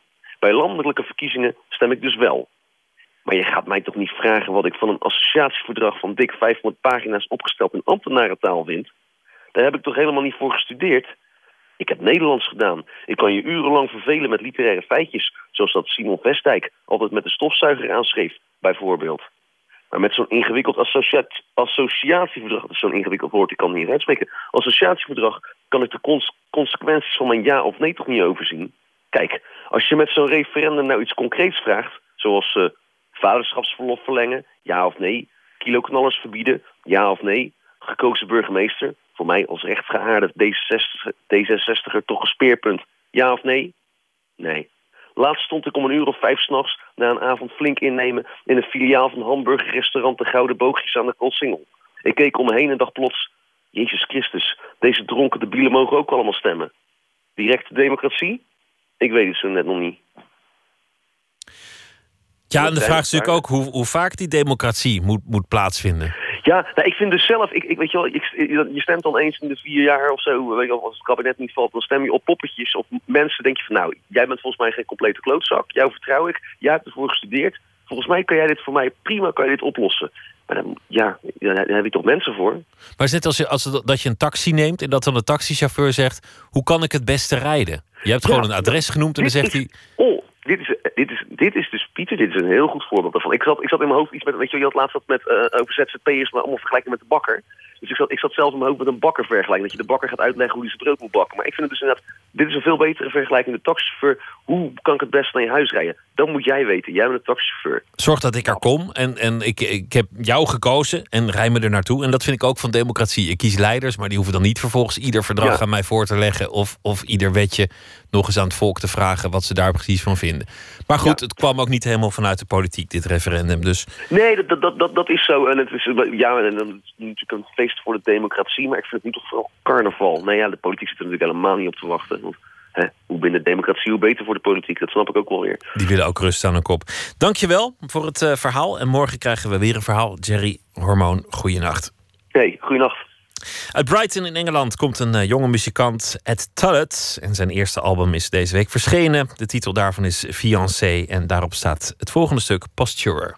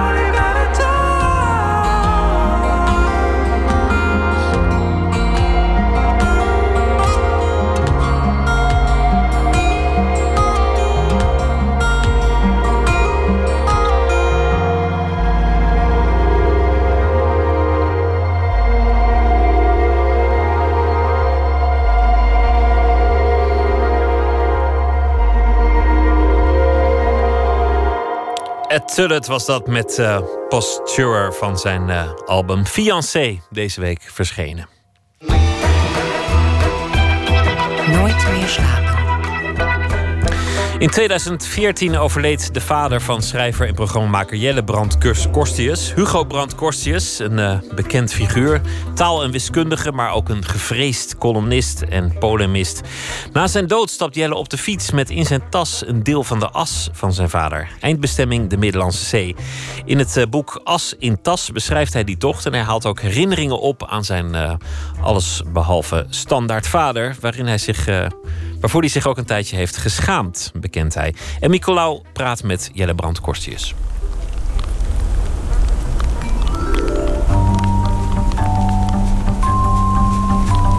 Het regent pijpenstelen en de gevoelstemperatuur ligt ergens tegen het vriespunt. Op zich zou het toepasselijk zijn om dit interview met Jelle Brand Korstius juist buiten te houden. Spartaanse omstandigheden passen immers wel bij hem. Maar daarover later meer. We besluiten toch maar de comfortabele warmte van het Instituut voor Sociale Geschiedenis in te vluchten. Brand Kostius is er deze ochtend aan het werk. Het is zijn vaste plek om te schrijven. Hier heb ik eigenlijk al mijn boeken geschreven. Ik begon hier uh, met mijn scriptie uh, jaren geleden. Ik ben hier eigenlijk blijven hangen. Ik vind het gewoon een hele fijne plek. Het is altijd wel fijn om ergens heen te gaan. En dan om een kantoor weer te nemen is ook weer zo wat. Ergens heen gaan. Daar is Brand Kostius sowieso goed in. Hij was vijf jaar correspondent in Moskou, maakte reisseries over Rusland en India en schreef een universele reisgids voor moeilijke landen. Hij is de zoon van Hugo Brandt Korstius, een van de grootste en beruchtste columnisten die Nederland gekend heeft. Zijn vader overleed in februari 2014. Mijn vader is overleden aan uh, dementie. Hij had waarschijnlijk al meerdere jaren, maar op een of andere manier had hij een manier gevonden om daarmee te leven. Hij was natuurlijk ook wel vergeetachtig en hij deed rare dingen, maar dat deed hij zijn hele leven. Dus het was een beetje moeilijk om dat te onderscheiden van zijn gewone zijn.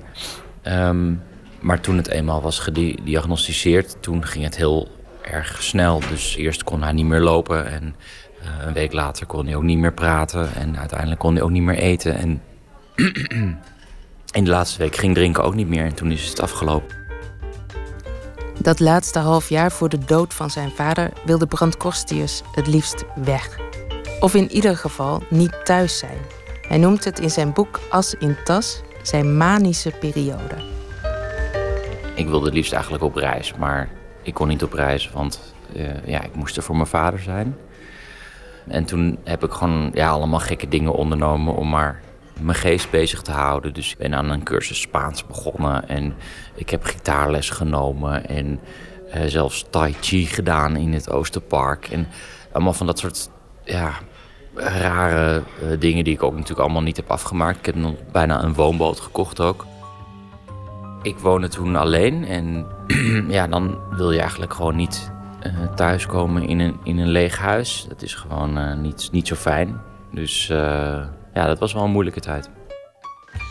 Taalgoochelaar, dwarsligger, briljante gelijkhebber, beroepskwetser en hartstochtelijk hater.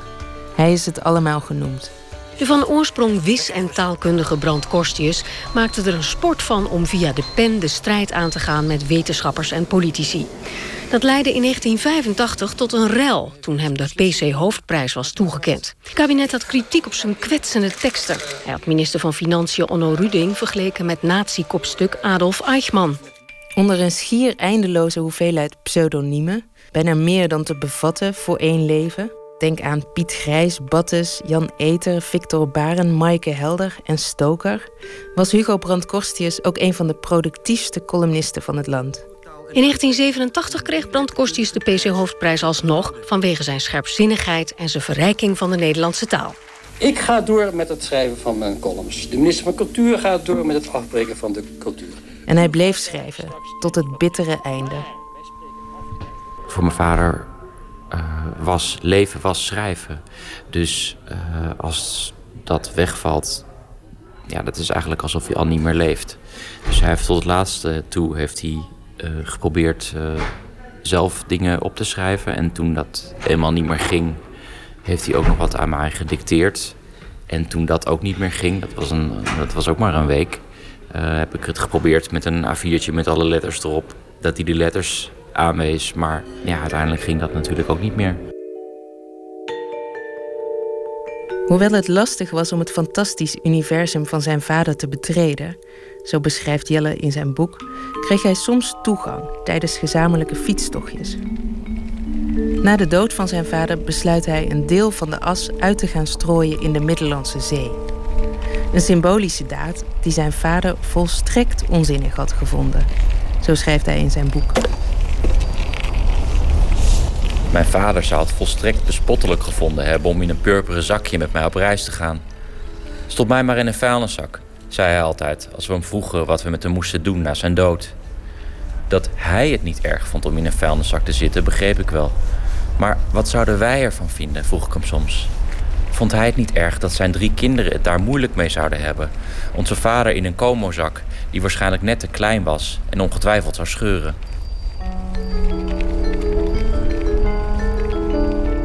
Weet dat mijn vader dit idee volkomen belachelijk zou hebben gevonden. Maar ik deed het helemaal niet voor mijn vader. Ik deed het voor mezelf. En ik vond het zelf wel een goed idee. Het idee was eigenlijk om uh, alle as mee te nemen. Maar ik had geen flauw idee hoeveel dat was. Maar dat blijkt dus 3,5 kilo te zijn. Ja, dat werd een beetje te gek. Want ik zat al met uh, een probleem met de hoeveelheid bagage. Je was helemaal niet echt goed voorbereid op dat fietsen. Waarom, waarom wilde je dat dan toch zo graag? Nee, ik was volstrekt niet voorbereid. Mijn conditie was heel slecht. En ik had sowieso nog nooit geklommen in, in de bergen en met bagage gefietst. Ik, ging ook echt kamperen onderweg, dus ik had uh, heel veel bagage bij me. Ik heb al vaker dat ik me gewoon stort in uh, bepaalde reizen of plannen... zonder dat ik te veel nadenk over uh, of dat een verstandig idee is. Je schrijft ook dat, dat, dat die neiging tot een Spartaans leven of Spartaanse uh, belevenissen mee te maken, dat dat misschien ook wel door je opvoeding is gekomen. Hoezo dan? Ja, mijn vader was natuurlijk geen gemiddelde opvoeder. En mijn moeder overleed toen ik drie was. Dus hij, hij heeft echt de opvoeding gedaan. En um, ja, we hebben nooit meegekregen dat je het leven ook comfortabel kan maken. Dat je het leven prettig kan maken. Uh, dat is iets wat ik zelf later heb uitgevonden. Um, voor mijn vader deed dat er niet toe. Maar daardoor, door die opvoeding, die toch vrij Spartaans was, uh, inderdaad, heb ik bijvoorbeeld wel vijf jaar in Moskou uitgehouden. En wie weet, als ik gewoon helemaal was gepamperd in een of ander gezellig warm gezinnetje zou zijn, uh, waar, alles, uh, waar ik alles kreeg wat ik wilde, ja, was ik daar misschien wel gillend gek geworden. Um, en dat is ook iets waar ik ja, misschien sinds zijn dood pas over na ben gaan denken. Dat het ja, wat eigenlijk de voordelen van zo'n opvoeding zijn.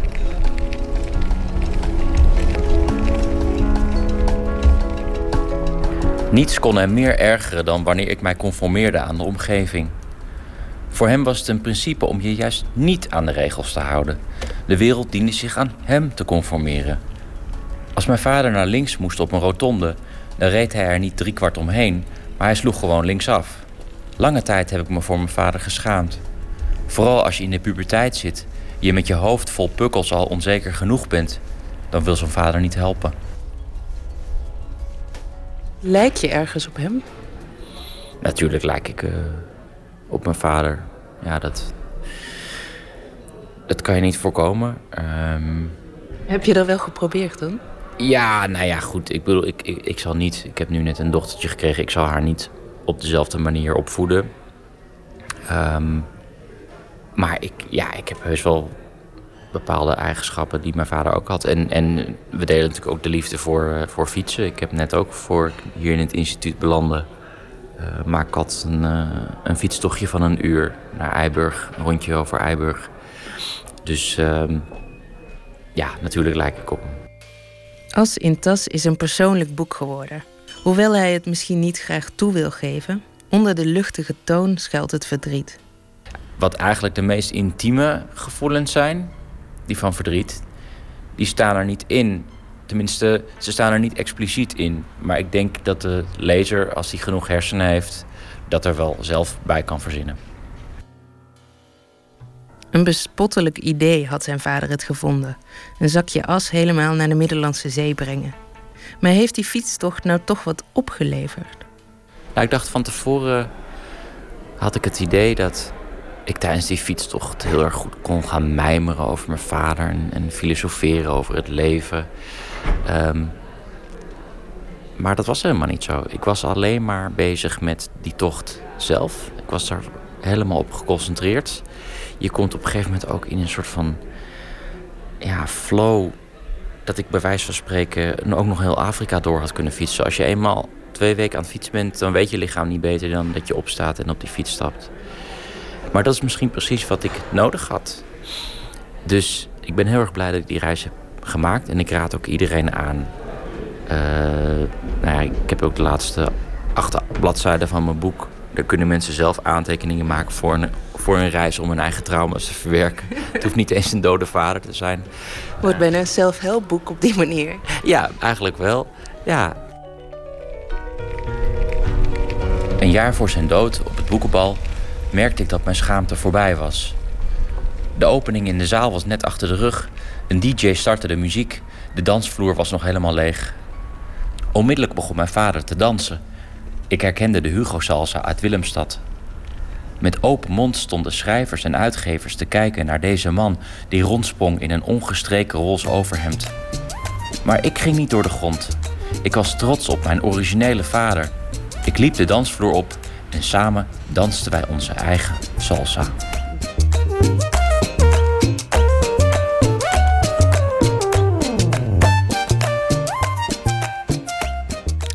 Jelle Brand Korstius over zijn boek As in Tas, een bijdrage van Emmy Colau was dat. Een nieuw album staat te verschijnen van Iggy Pop. Hij maakte dat samen met gitarist Josh Hom. Maar voordat dat zover is, moeten we nog even teruggrijpen naar de betere jaren van Iggy Pop. Van zijn eerste soloalbum uit 1977, The Idiot. Het nummer dat niet alleen door uh, Bowie geschreven werd, maar waarop Bowie ook nog saxofoon mee toeterde. Tiny Girls.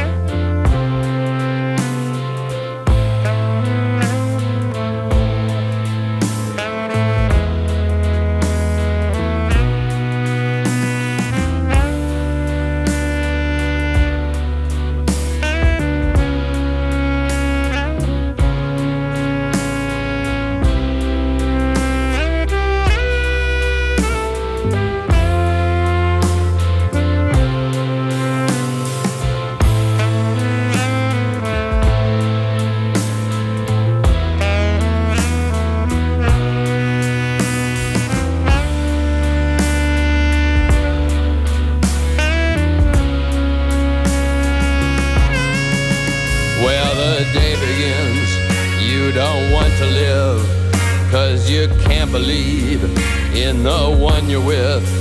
Cause you know her tricks and you know her past. When she makes a face, you just have to laugh. And you feel like such a know it all when you only want just a tiny girl. And you hope she'll say,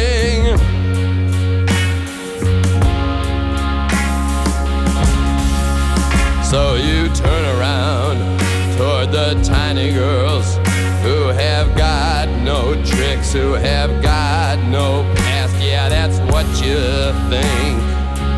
And you hope she'll sing. But she sings of greed like a young banshee. And she wants for this, and she wants for that. Ah, what did you think?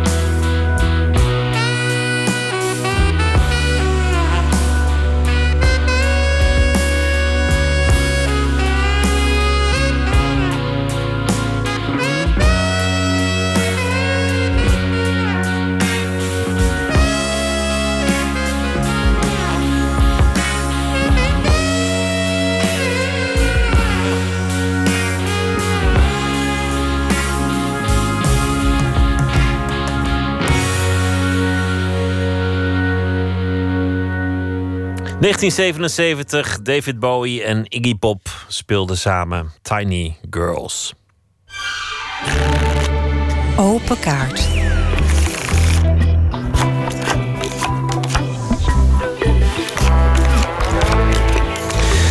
Voor mij staat een eh, bak met kaarten. Op elke kaart staat een vraag. En de gast die zal zelf dus uh, door de willekeur te laten bepalen. Um, ook het interview bepalen. Lieneke Rijksman is dat, uh, verbonden aan het gezelschap Mug met de Gouden Tand. Speelde ook bij het Roodtheater, toneelgroep Amsterdam. Was ook te zien in films, Minoes, Zus en Zo, Zadelpijn, tv-series Het Schaap en Herterkamp. En het uh, nieuwe stuk van de Mug heet De Frooitjes, Geen Familie. Ze regisseert het en speelt ook een van de drie hoofdrollen. Lieneke, welkom. De, de voorstelling was eigenlijk gepland voor 2014, als ik me goed herinner. En toen ineens uitgesteld. Wat is er allemaal gebeurd? Um, wat er speelde was dat twee uh, mensen bij de mug ziek werden. En um, dat er daardoor een. Uh, nou, het was een beetje een pressure cooker de hele periode. En daardoor. Um, en we hadden een beetje tijdgebrek. En alle factoren bij elkaar maakten dat we ernaar keken en dachten: ja, we krijgen het niet zo zoals we het willen hebben. En dan neem je een hele grote beslissing, want dat is het toch om een voorstelling uit te stellen. En dat hebben we toen gedaan de boel uh, plofte zo'n beetje tijdens nou, de repetities. Plofte niet, maar een hele hoop factoren ook van buitenaf kwamen bij elkaar. En um, dat gepaard aan tijdgebrek en uh, onder hoogspanning staan door de situatie, maakte dat, uh, dat we niet konden afleveren wat we eigenlijk normaal als, als graadmeter hebben. Dus toen dachten we, nou, nu dan moeten we die grote beslissing nemen. Het gaat nu gebeuren. Het stuk gaat uh, in première later deze maand. Het gaat over, uh, zo, zo, lees ik in de aankondiging, het onvermogen van de mens om de zegeningen te tellen. Ja. Vertel. Ja, uh, daar gaat het onder andere over. Het gaat uh, eigenlijk over drie zusters die um, in het huis van de oudste zuster samenkomen omdat de moeder op sterven ligt. En uh, in dat huis maken ze um, een middag, een avond en een avond, nacht en een ochtend mee. En um, al gauw gaat het gesprek over wie er voor moeder moet zorgen. Maar uiteindelijk gaat het ook over uh, hoe ze zich allemaal hebben gevoeld in de familie, hoe ze zich hebben um, ontwikkeld, wat voor oude patronen ze hebben vastgehouden van vroeger. Want in een gezin heb je toch wel vaak dat ieder kind een eigen patroon heeft. En dat komen ze hard tegen. En uh, ze doen een grote poging om naar elkaar te kijken en elkaar echt te zien zonder alle uh, woedes en aannames en frustraties die er groeien in gezinnen. En of dat lukt, nou, daar moeten de mensen maar naar komen kijken. Een mooi thema natuurlijk van voorstelling. Familie en mensen die automatisch in patronen terugvallen en, en daar niet uit kunnen komen. Ja. Jouw rol, is, is dat een, een, een zachtaardig iemand? Um, ik, ben de, ik speel de oudste zuster, Mathilde. En um, de zusters zijn eigenlijk uh, alle drie hebben ze vergroot gedrag, een ver, vergroot patroon. En het, het vergrote patroon van de oudste zuster is dat ze um, heel erg zorgzaam is. En dat heeft ze uh, ooit besloten dat dat een manier was om aandacht te krijgen of om in leven te blijven. En dat voert ze dus ja, uh, heel erg secuur uit. En de uh, middelste dochter heeft als patroon dat ze denkt: ik moet drama in mijn leven creëren. Want als ik dat niet doe, dan ziet niemand mij. En dan dan overleef ik niet, dan wordt er niet van me gehouden. En de jongste dochter heeft uh, als patroon: ik moet snoeihard werken. Ik moet alleen maar werken en de beste zijn, want anders wordt er niet van mij gehouden. Ik zat er op weg hier naartoe over na te denken. De, de mug, al, al zo lang bij elkaar. En ik heb er al zoveel voorstellingen van gezien. Hoe moet je dat nou definiëren? Wanneer is een, een voorstelling echt een mug met een gouden tand voorstelling? Denken jullie daar ooit over na? Um, of gebeurt dat gewoon? We, we, nou, we, we, hebben ook wel verschillende voorstellingen binnen de mug. Marcel Musters die maakt uh, veel lunchpauzevoorstellingen in Bellevue. Um, en die doet dat dan met schrijvers. Het laatste was bijvoorbeeld met Avrand Korstius. De laatste ja, twee trouwens. Die heb ik gezien. Ja, en um, ja, dan is het randje mug dat hij erin zit. Hij neemt natuurlijk toch iets heel specifieks mee. En um, ik denk dat we dat algemeen is dat we alle drie proberen uh, toneel te maken wat over nu gaat en wat over de werkelijkheid gaat en over uh, het, de, de, omgeving, over, over het leven waar we in zitten, ook politiek gezien. Maar dat altijd proberen om het humor te brengen en ehm, met veel eigens erin. Maar dus, ook, ook vaak een, een soort tragische humor. Ja, humor die schrijnt, maar dat is volgens mij de beste humor.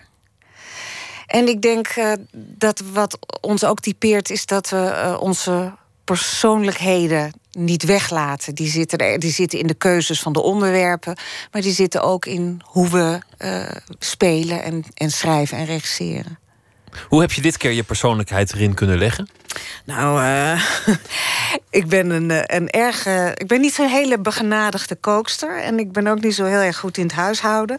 Maar eigenlijk kost het me geen moeite om me voor te stellen. Uh, wat het betekent als je altijd zorgt en daar als dat je overlevingsgedrag bijna is. Hè? Dat is toch iets anders dan wanneer je het uh, af en toe eens doet en ontspannen. Dus je raakt, ze raakt ook wel langzaam maar zeker verzenuwd. De oudste dochter. Door de situatie. Omdat die erg onder druk komt te staan. Omdat ja, ze, ze, ze dagen elkaar uit om te zeggen: jij moet voor moeder zorgen, jij moet voor moeder zorgen. En krijgen dan onderling ook allemaal conflicten. Degene die altijd als eerste een doekje pakt als er iets gemorst is, ja. of iets opraapt, of uh, nou ja, een, een, iets bakt. Iets, bakt, iets kookt. Iets als er kookt. iets aan de hand is, snel eten maken. Zullen we beginnen? Ik heb hier een bak met kaarten. Uh, trek er één. Ze worden altijd slordig geschud, dus trek er eentje in het midden of, of maar niet achter of voor. Welk bedrog is je sterk bijgebleven? Zo. Ben je wel eens bedrogen? Ja, maar ik geloof dat ik een andere kaart moet kiezen. Want je weet hier zo gauw geen antwoord op. Nee, niet, niet direct. Nee, niet maar als, als, als ik vraag, ben je wel eens bedrogen? Wat, wat is dan het eerste dat in je opkomt, het, het grote bedrog? Um, ik, nou, eigenlijk is het eerste wat er in me opkomt... dat er, dat er zo'n momenten zijn dat je je als kind bedrogen voelt. Ik heb me ongelooflijk bedrogen gevoeld... toen me, uh, op een rot manier tegen mij gezegd werd... toen ik heel klein was dat Sinterklaas niet bestond. Nou, daar begint het al. Al die kinderen worden belazerd waar je bij ja, staat. Ja, maar je kan er ook, daar kan je ook rustig naartoe groeien. En dan kan je dan ja, dan, dan zal dat. Maar ik, ik ervaar dit echt omdat ik er totaal niet aan toe was. En iemand zei dat snoeihard in mijn gezicht. Toen, dat was wel een soort van bedrog, ja. Het is mijn moeder nooit gelukt. Die zei: er komt er een man met een wit paard over het dak. Die gooit iets in de schoorsteen. En ik, ik weet niet hoe oud ik was, maar ik keek eraan en ik zei: Nee, dat lijkt me toch niet. Ja, ik geloof dat ik dat ook wel had. Maar de andere kant die het wilde geloven was, die nam het over. En dat vind ik ook een veel fijnere kant. Je hebt ook een belang natuurlijk. Cadeautjes, ja, ja. snoepgoed. Ja. Neem nog een kaart. Wat is je mooiste tekortkoming? Kan een, een mooie tekortkoming. Hoe kan ik dat nou zelf zeggen? Um, nou, mijn mooiste tekortkoming is wat ik net al zei, dat ik uh, uh, heel slecht kan koken. Of eigenlijk ik kan het wel een beetje, maar er te ongeduldig voor ben en ook helemaal geen goede coördinatie heb, maar een ongelofelijke blije opeter ben. Dankbare opeter. Die moet je ook hebben. Je hebt van die ja. culinaire fanatiekelingen die, die dagen in de keuken willen staan, maar wat als niemand het nog komt opeten? Ja, ik eet alles graag op. Neem er nog één. Wat verwacht je van de komende tien jaar?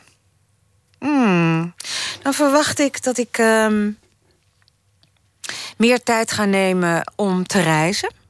En um, meer tijd ga nemen om af en toe andere dingen te doen. Maar ik verwacht ook, tenminste dat hoop ik, als we geld blijven krijgen, wat natuurlijk steeds onzekerder wordt, omdat um, er steeds minder geld is en natuurlijk steeds meer ook jonge mensen aan de deur kloppen.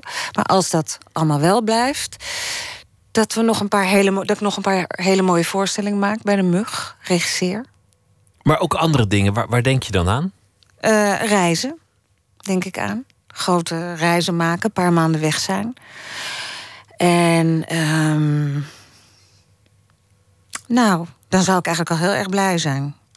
Wat zou dat met je doen? Want je hebt, je hebt de afgelopen 10, 20 jaar volgens mij heel hard gewerkt. Altijd je leven in, in dienst gesteld van uh, stukken maken, uh, dingen opnemen, dingen uitvoeren. Wat zou er gebeuren als je dat, dat 7, 8 maanden niet zou doen? Ik heb uh, twee jaar geleden ben ik naar Nieuw-Zeeland en Australië gegaan. Dat vond ik al ongelooflijk fijn. En ik denk dat als ik zeven of acht maanden het niet zou doen, ben ik nieuwsgierig naar. Maar ik denk dat ik het uh, heerlijk vind. Het, als, je, als je steeds werkt, dat is ook heel fijn omdat we hele mooie dingen maken. Maar je hebt weinig gelegenheid om te bedenken wat er nog meer kan als je het niet doet, als er geen rust is en geen ruimte. Dus ik ga dat met grote nieuwsgierigheid in, denk ik. De tijd gaat zo verrekte hard. En als je jong bent, dan denk je van heel veel dingen: ach, dat komt nog wel een keer. Dan vind je het misschien allemaal zo gaaf wat je aan het doen bent, dat je nog niet denkt: er is haast bij of ik, of ik moet opschieten. Begint dat nu wel te komen? Uh, ik voel niet zozeer haast als wel noodzaak. Dat is iets anders. Dat is iets wezenlijk anders. Maar dat je misschien wel denkt van nou, als ik het nu niet doe, misschien doe ik het dan wel helemaal niet. Of, waarom zou ik nog langer wachten? Misschien. Ja, waarom zou ik nog langer wachten, is er wel. Maar ik denk niet, dan doe ik het misschien nooit meer. Ik ga ervan uit dat je toch, als, als alles een beetje goed gaat, toch nog tot heel lang dingen kan doen die onverwacht zijn en die je nog niet eerder hebt gedaan. Dat hoeft niet op te houden na een bepaalde leeftijd. Nee, zeker niet. Hier, uh, hier is de bak. Kijken of er nog zo'n vraag tussen zit.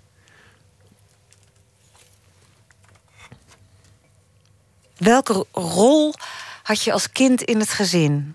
Nou, dat sluit wel aan bij de voorstelling. Ja, uh, ik was de middelste. En um, die rol had ik eigenlijk ook. Uh, ik probeerde evenwicht te bewaren. En uh, goed in de gaten te houden hoe het met het evenwicht ging. En dat was best wel eens verstoord.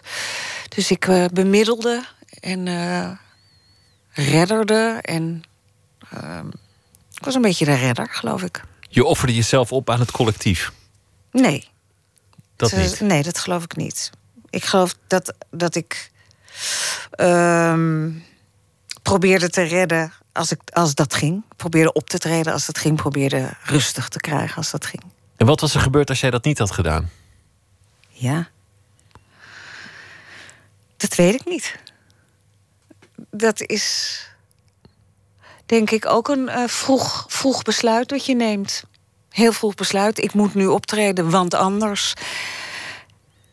En als je het niet doet, nou ja, ik heb ook wel meegemaakt wat er gebeurde als ik het niet deed. Maar dan was dat misschien toch ook wel gebeurd, dat weet ik niet. Het was in ieder geval mijn uh, rol. Maar was het, was het uh, vanwege ruzie in, in, in de tent? Of, of ja, mensen die niet overweg konden? Ja, vanwege stress en, en dingen. Ik was ook een beetje de clown, was ik ook. Dus als het uh, ingewikkeld werd, gaan clownen. Zorgen dat er gelachen wordt. Om de sfeer weer, weer monter te krijgen? Ja, of om in, uh, een gezinslid gelukkig te maken. Hè? Heeft, heeft dat je ook misschien op je, op je talent gebracht? Nee, ik denk dat het andersom is. Ik denk dat je de rol aanneemt die uh, bij je talent hoort. Daar was je goed in en dat, dat ja. maakte je dan maar uh, te gelden door, door de sfeer. En zo bewust was het natuurlijk niet, want nee. ik was heel klein. Maar ik kon het en ik deed het. Zullen we nog één, één zo'n vraag kijken? Hopen dat die leuk is. Nou, zeg, deze is zo leuk. Welke muziek moet op je begrafenis gedraaid worden? Nou, die hadden we gisteren ook al. um, uh, op mijn begrafenis wil ik um, Bistu by Mir... Van, um, uh, uit het notenboek van Anna Magdalena Bach. En dan wil ik het gezongen door Janet Baker. Zo mooi. Ja. Maar zover is het nog lang niet. Uh, het stuk dat in première gaat bij de Mug met de Gouden Tand... dat heet De Vrooitjes, geen familie.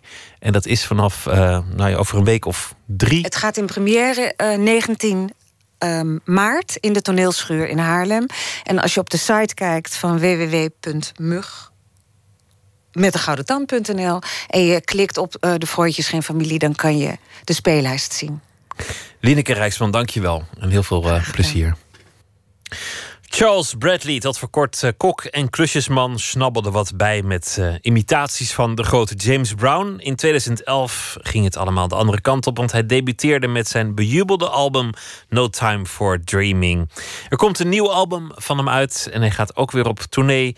Het, uh, de titel van het album is Change en het nummer heet Changes.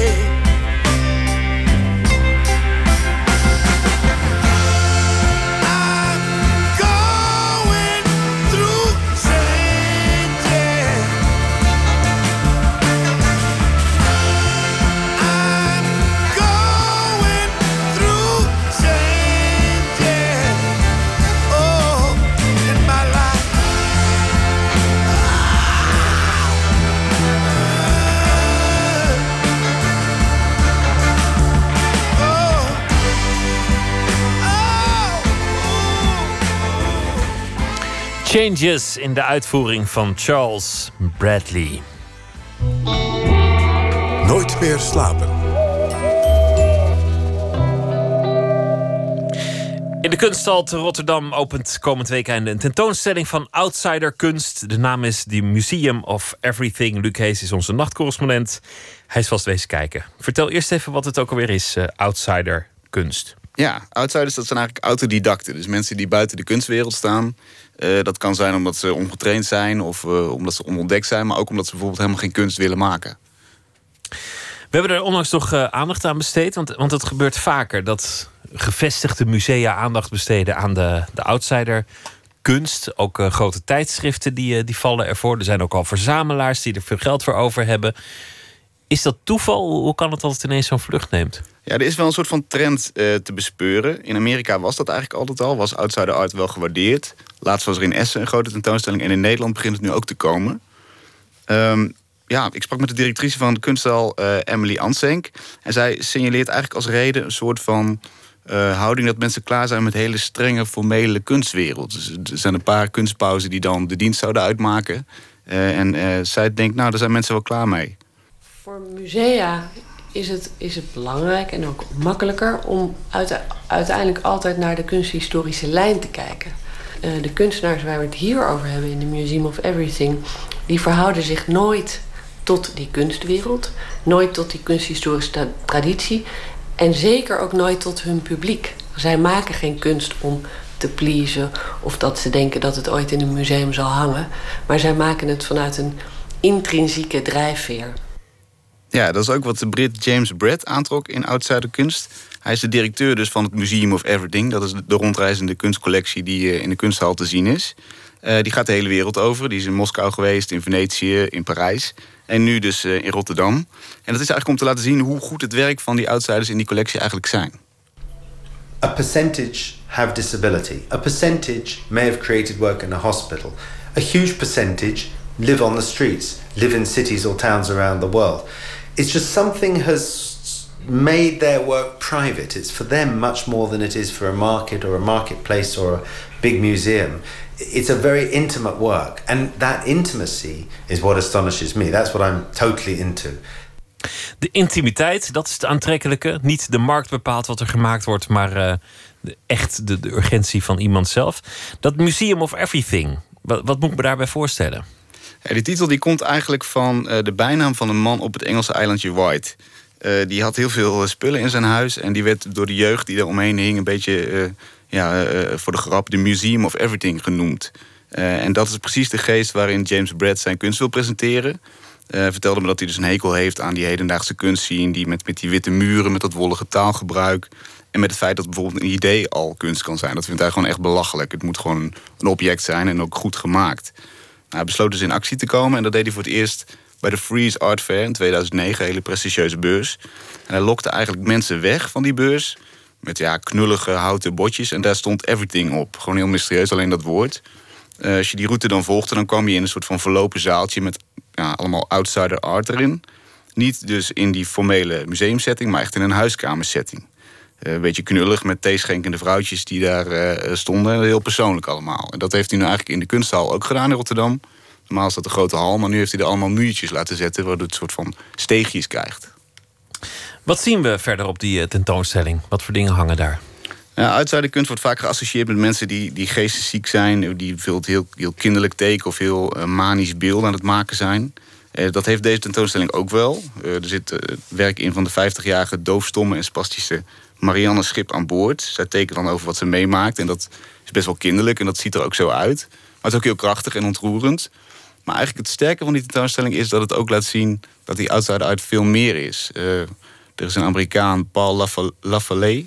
Die bouwde een schitterend futuristische uh, maquette eigenlijk. een, een oerbos op een verlaten eiland. En een soort van Thunderbirds-achtige toren.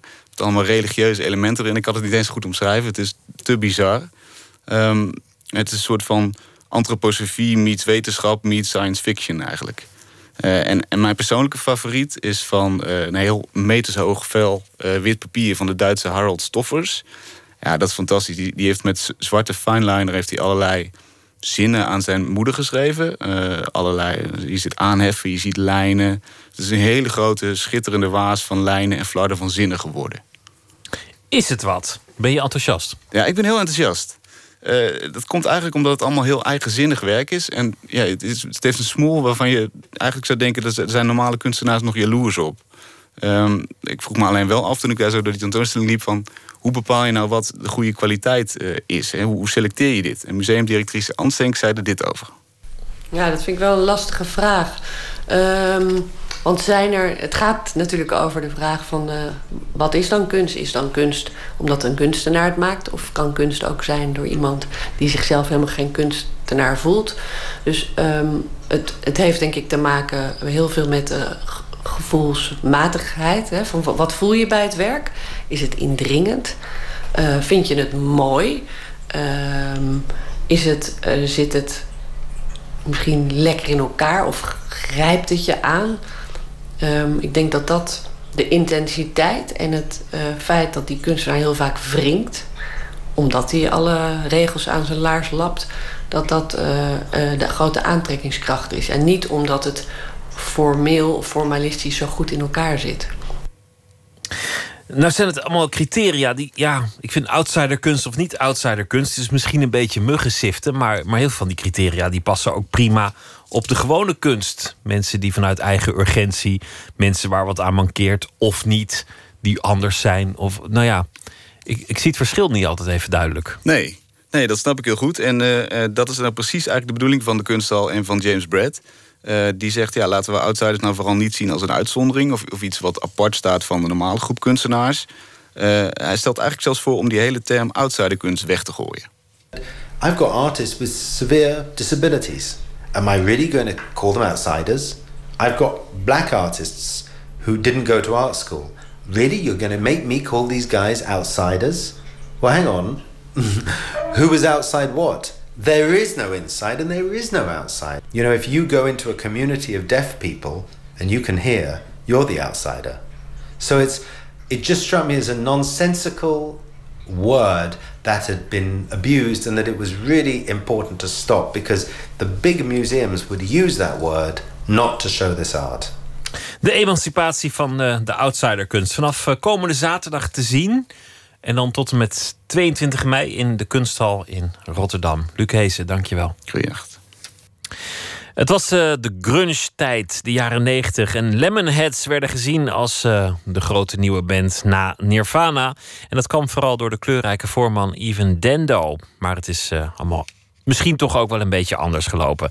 Desalniettemin de Lemonheads met It's a Shame About Ray.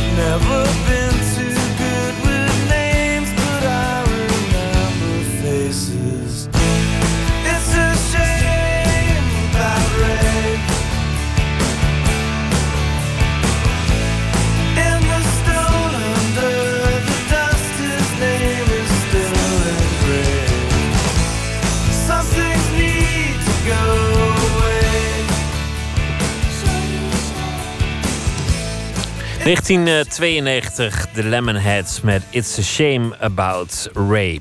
Eva Gerlach is dichter en deze week zal ze elke nacht een van haar favoriete gedichten uitkiezen en voordragen. En dat doet ze ook deze nacht. Een gedicht van H.H. Terbalkt.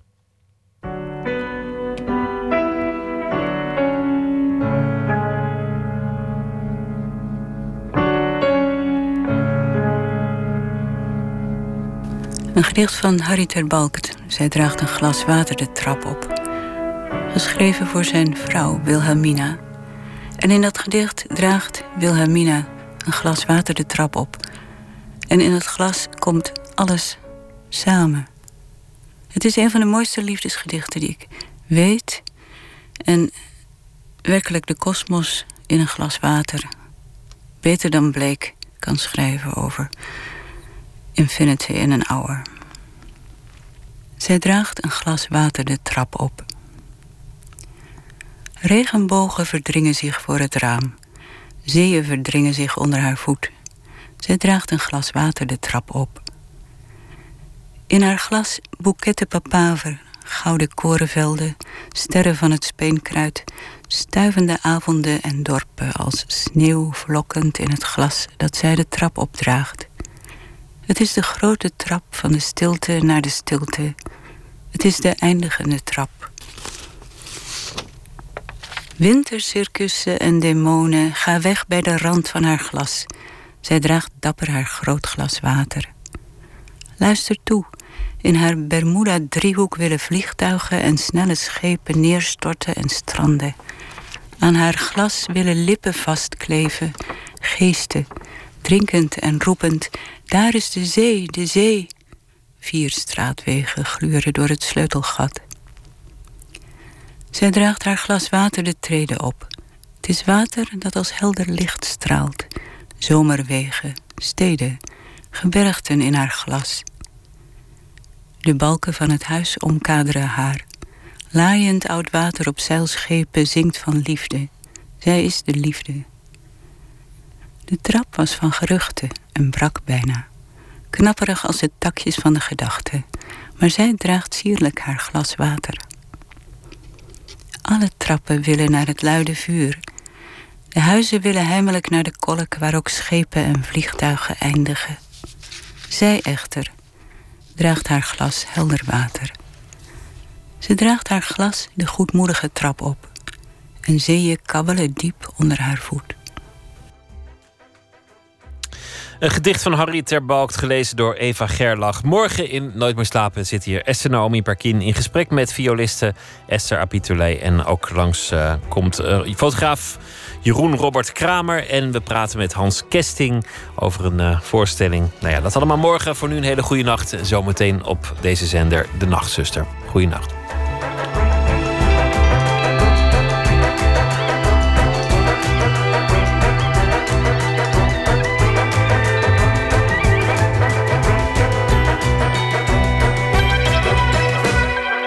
Radio 1, het nieuws van alle kanten.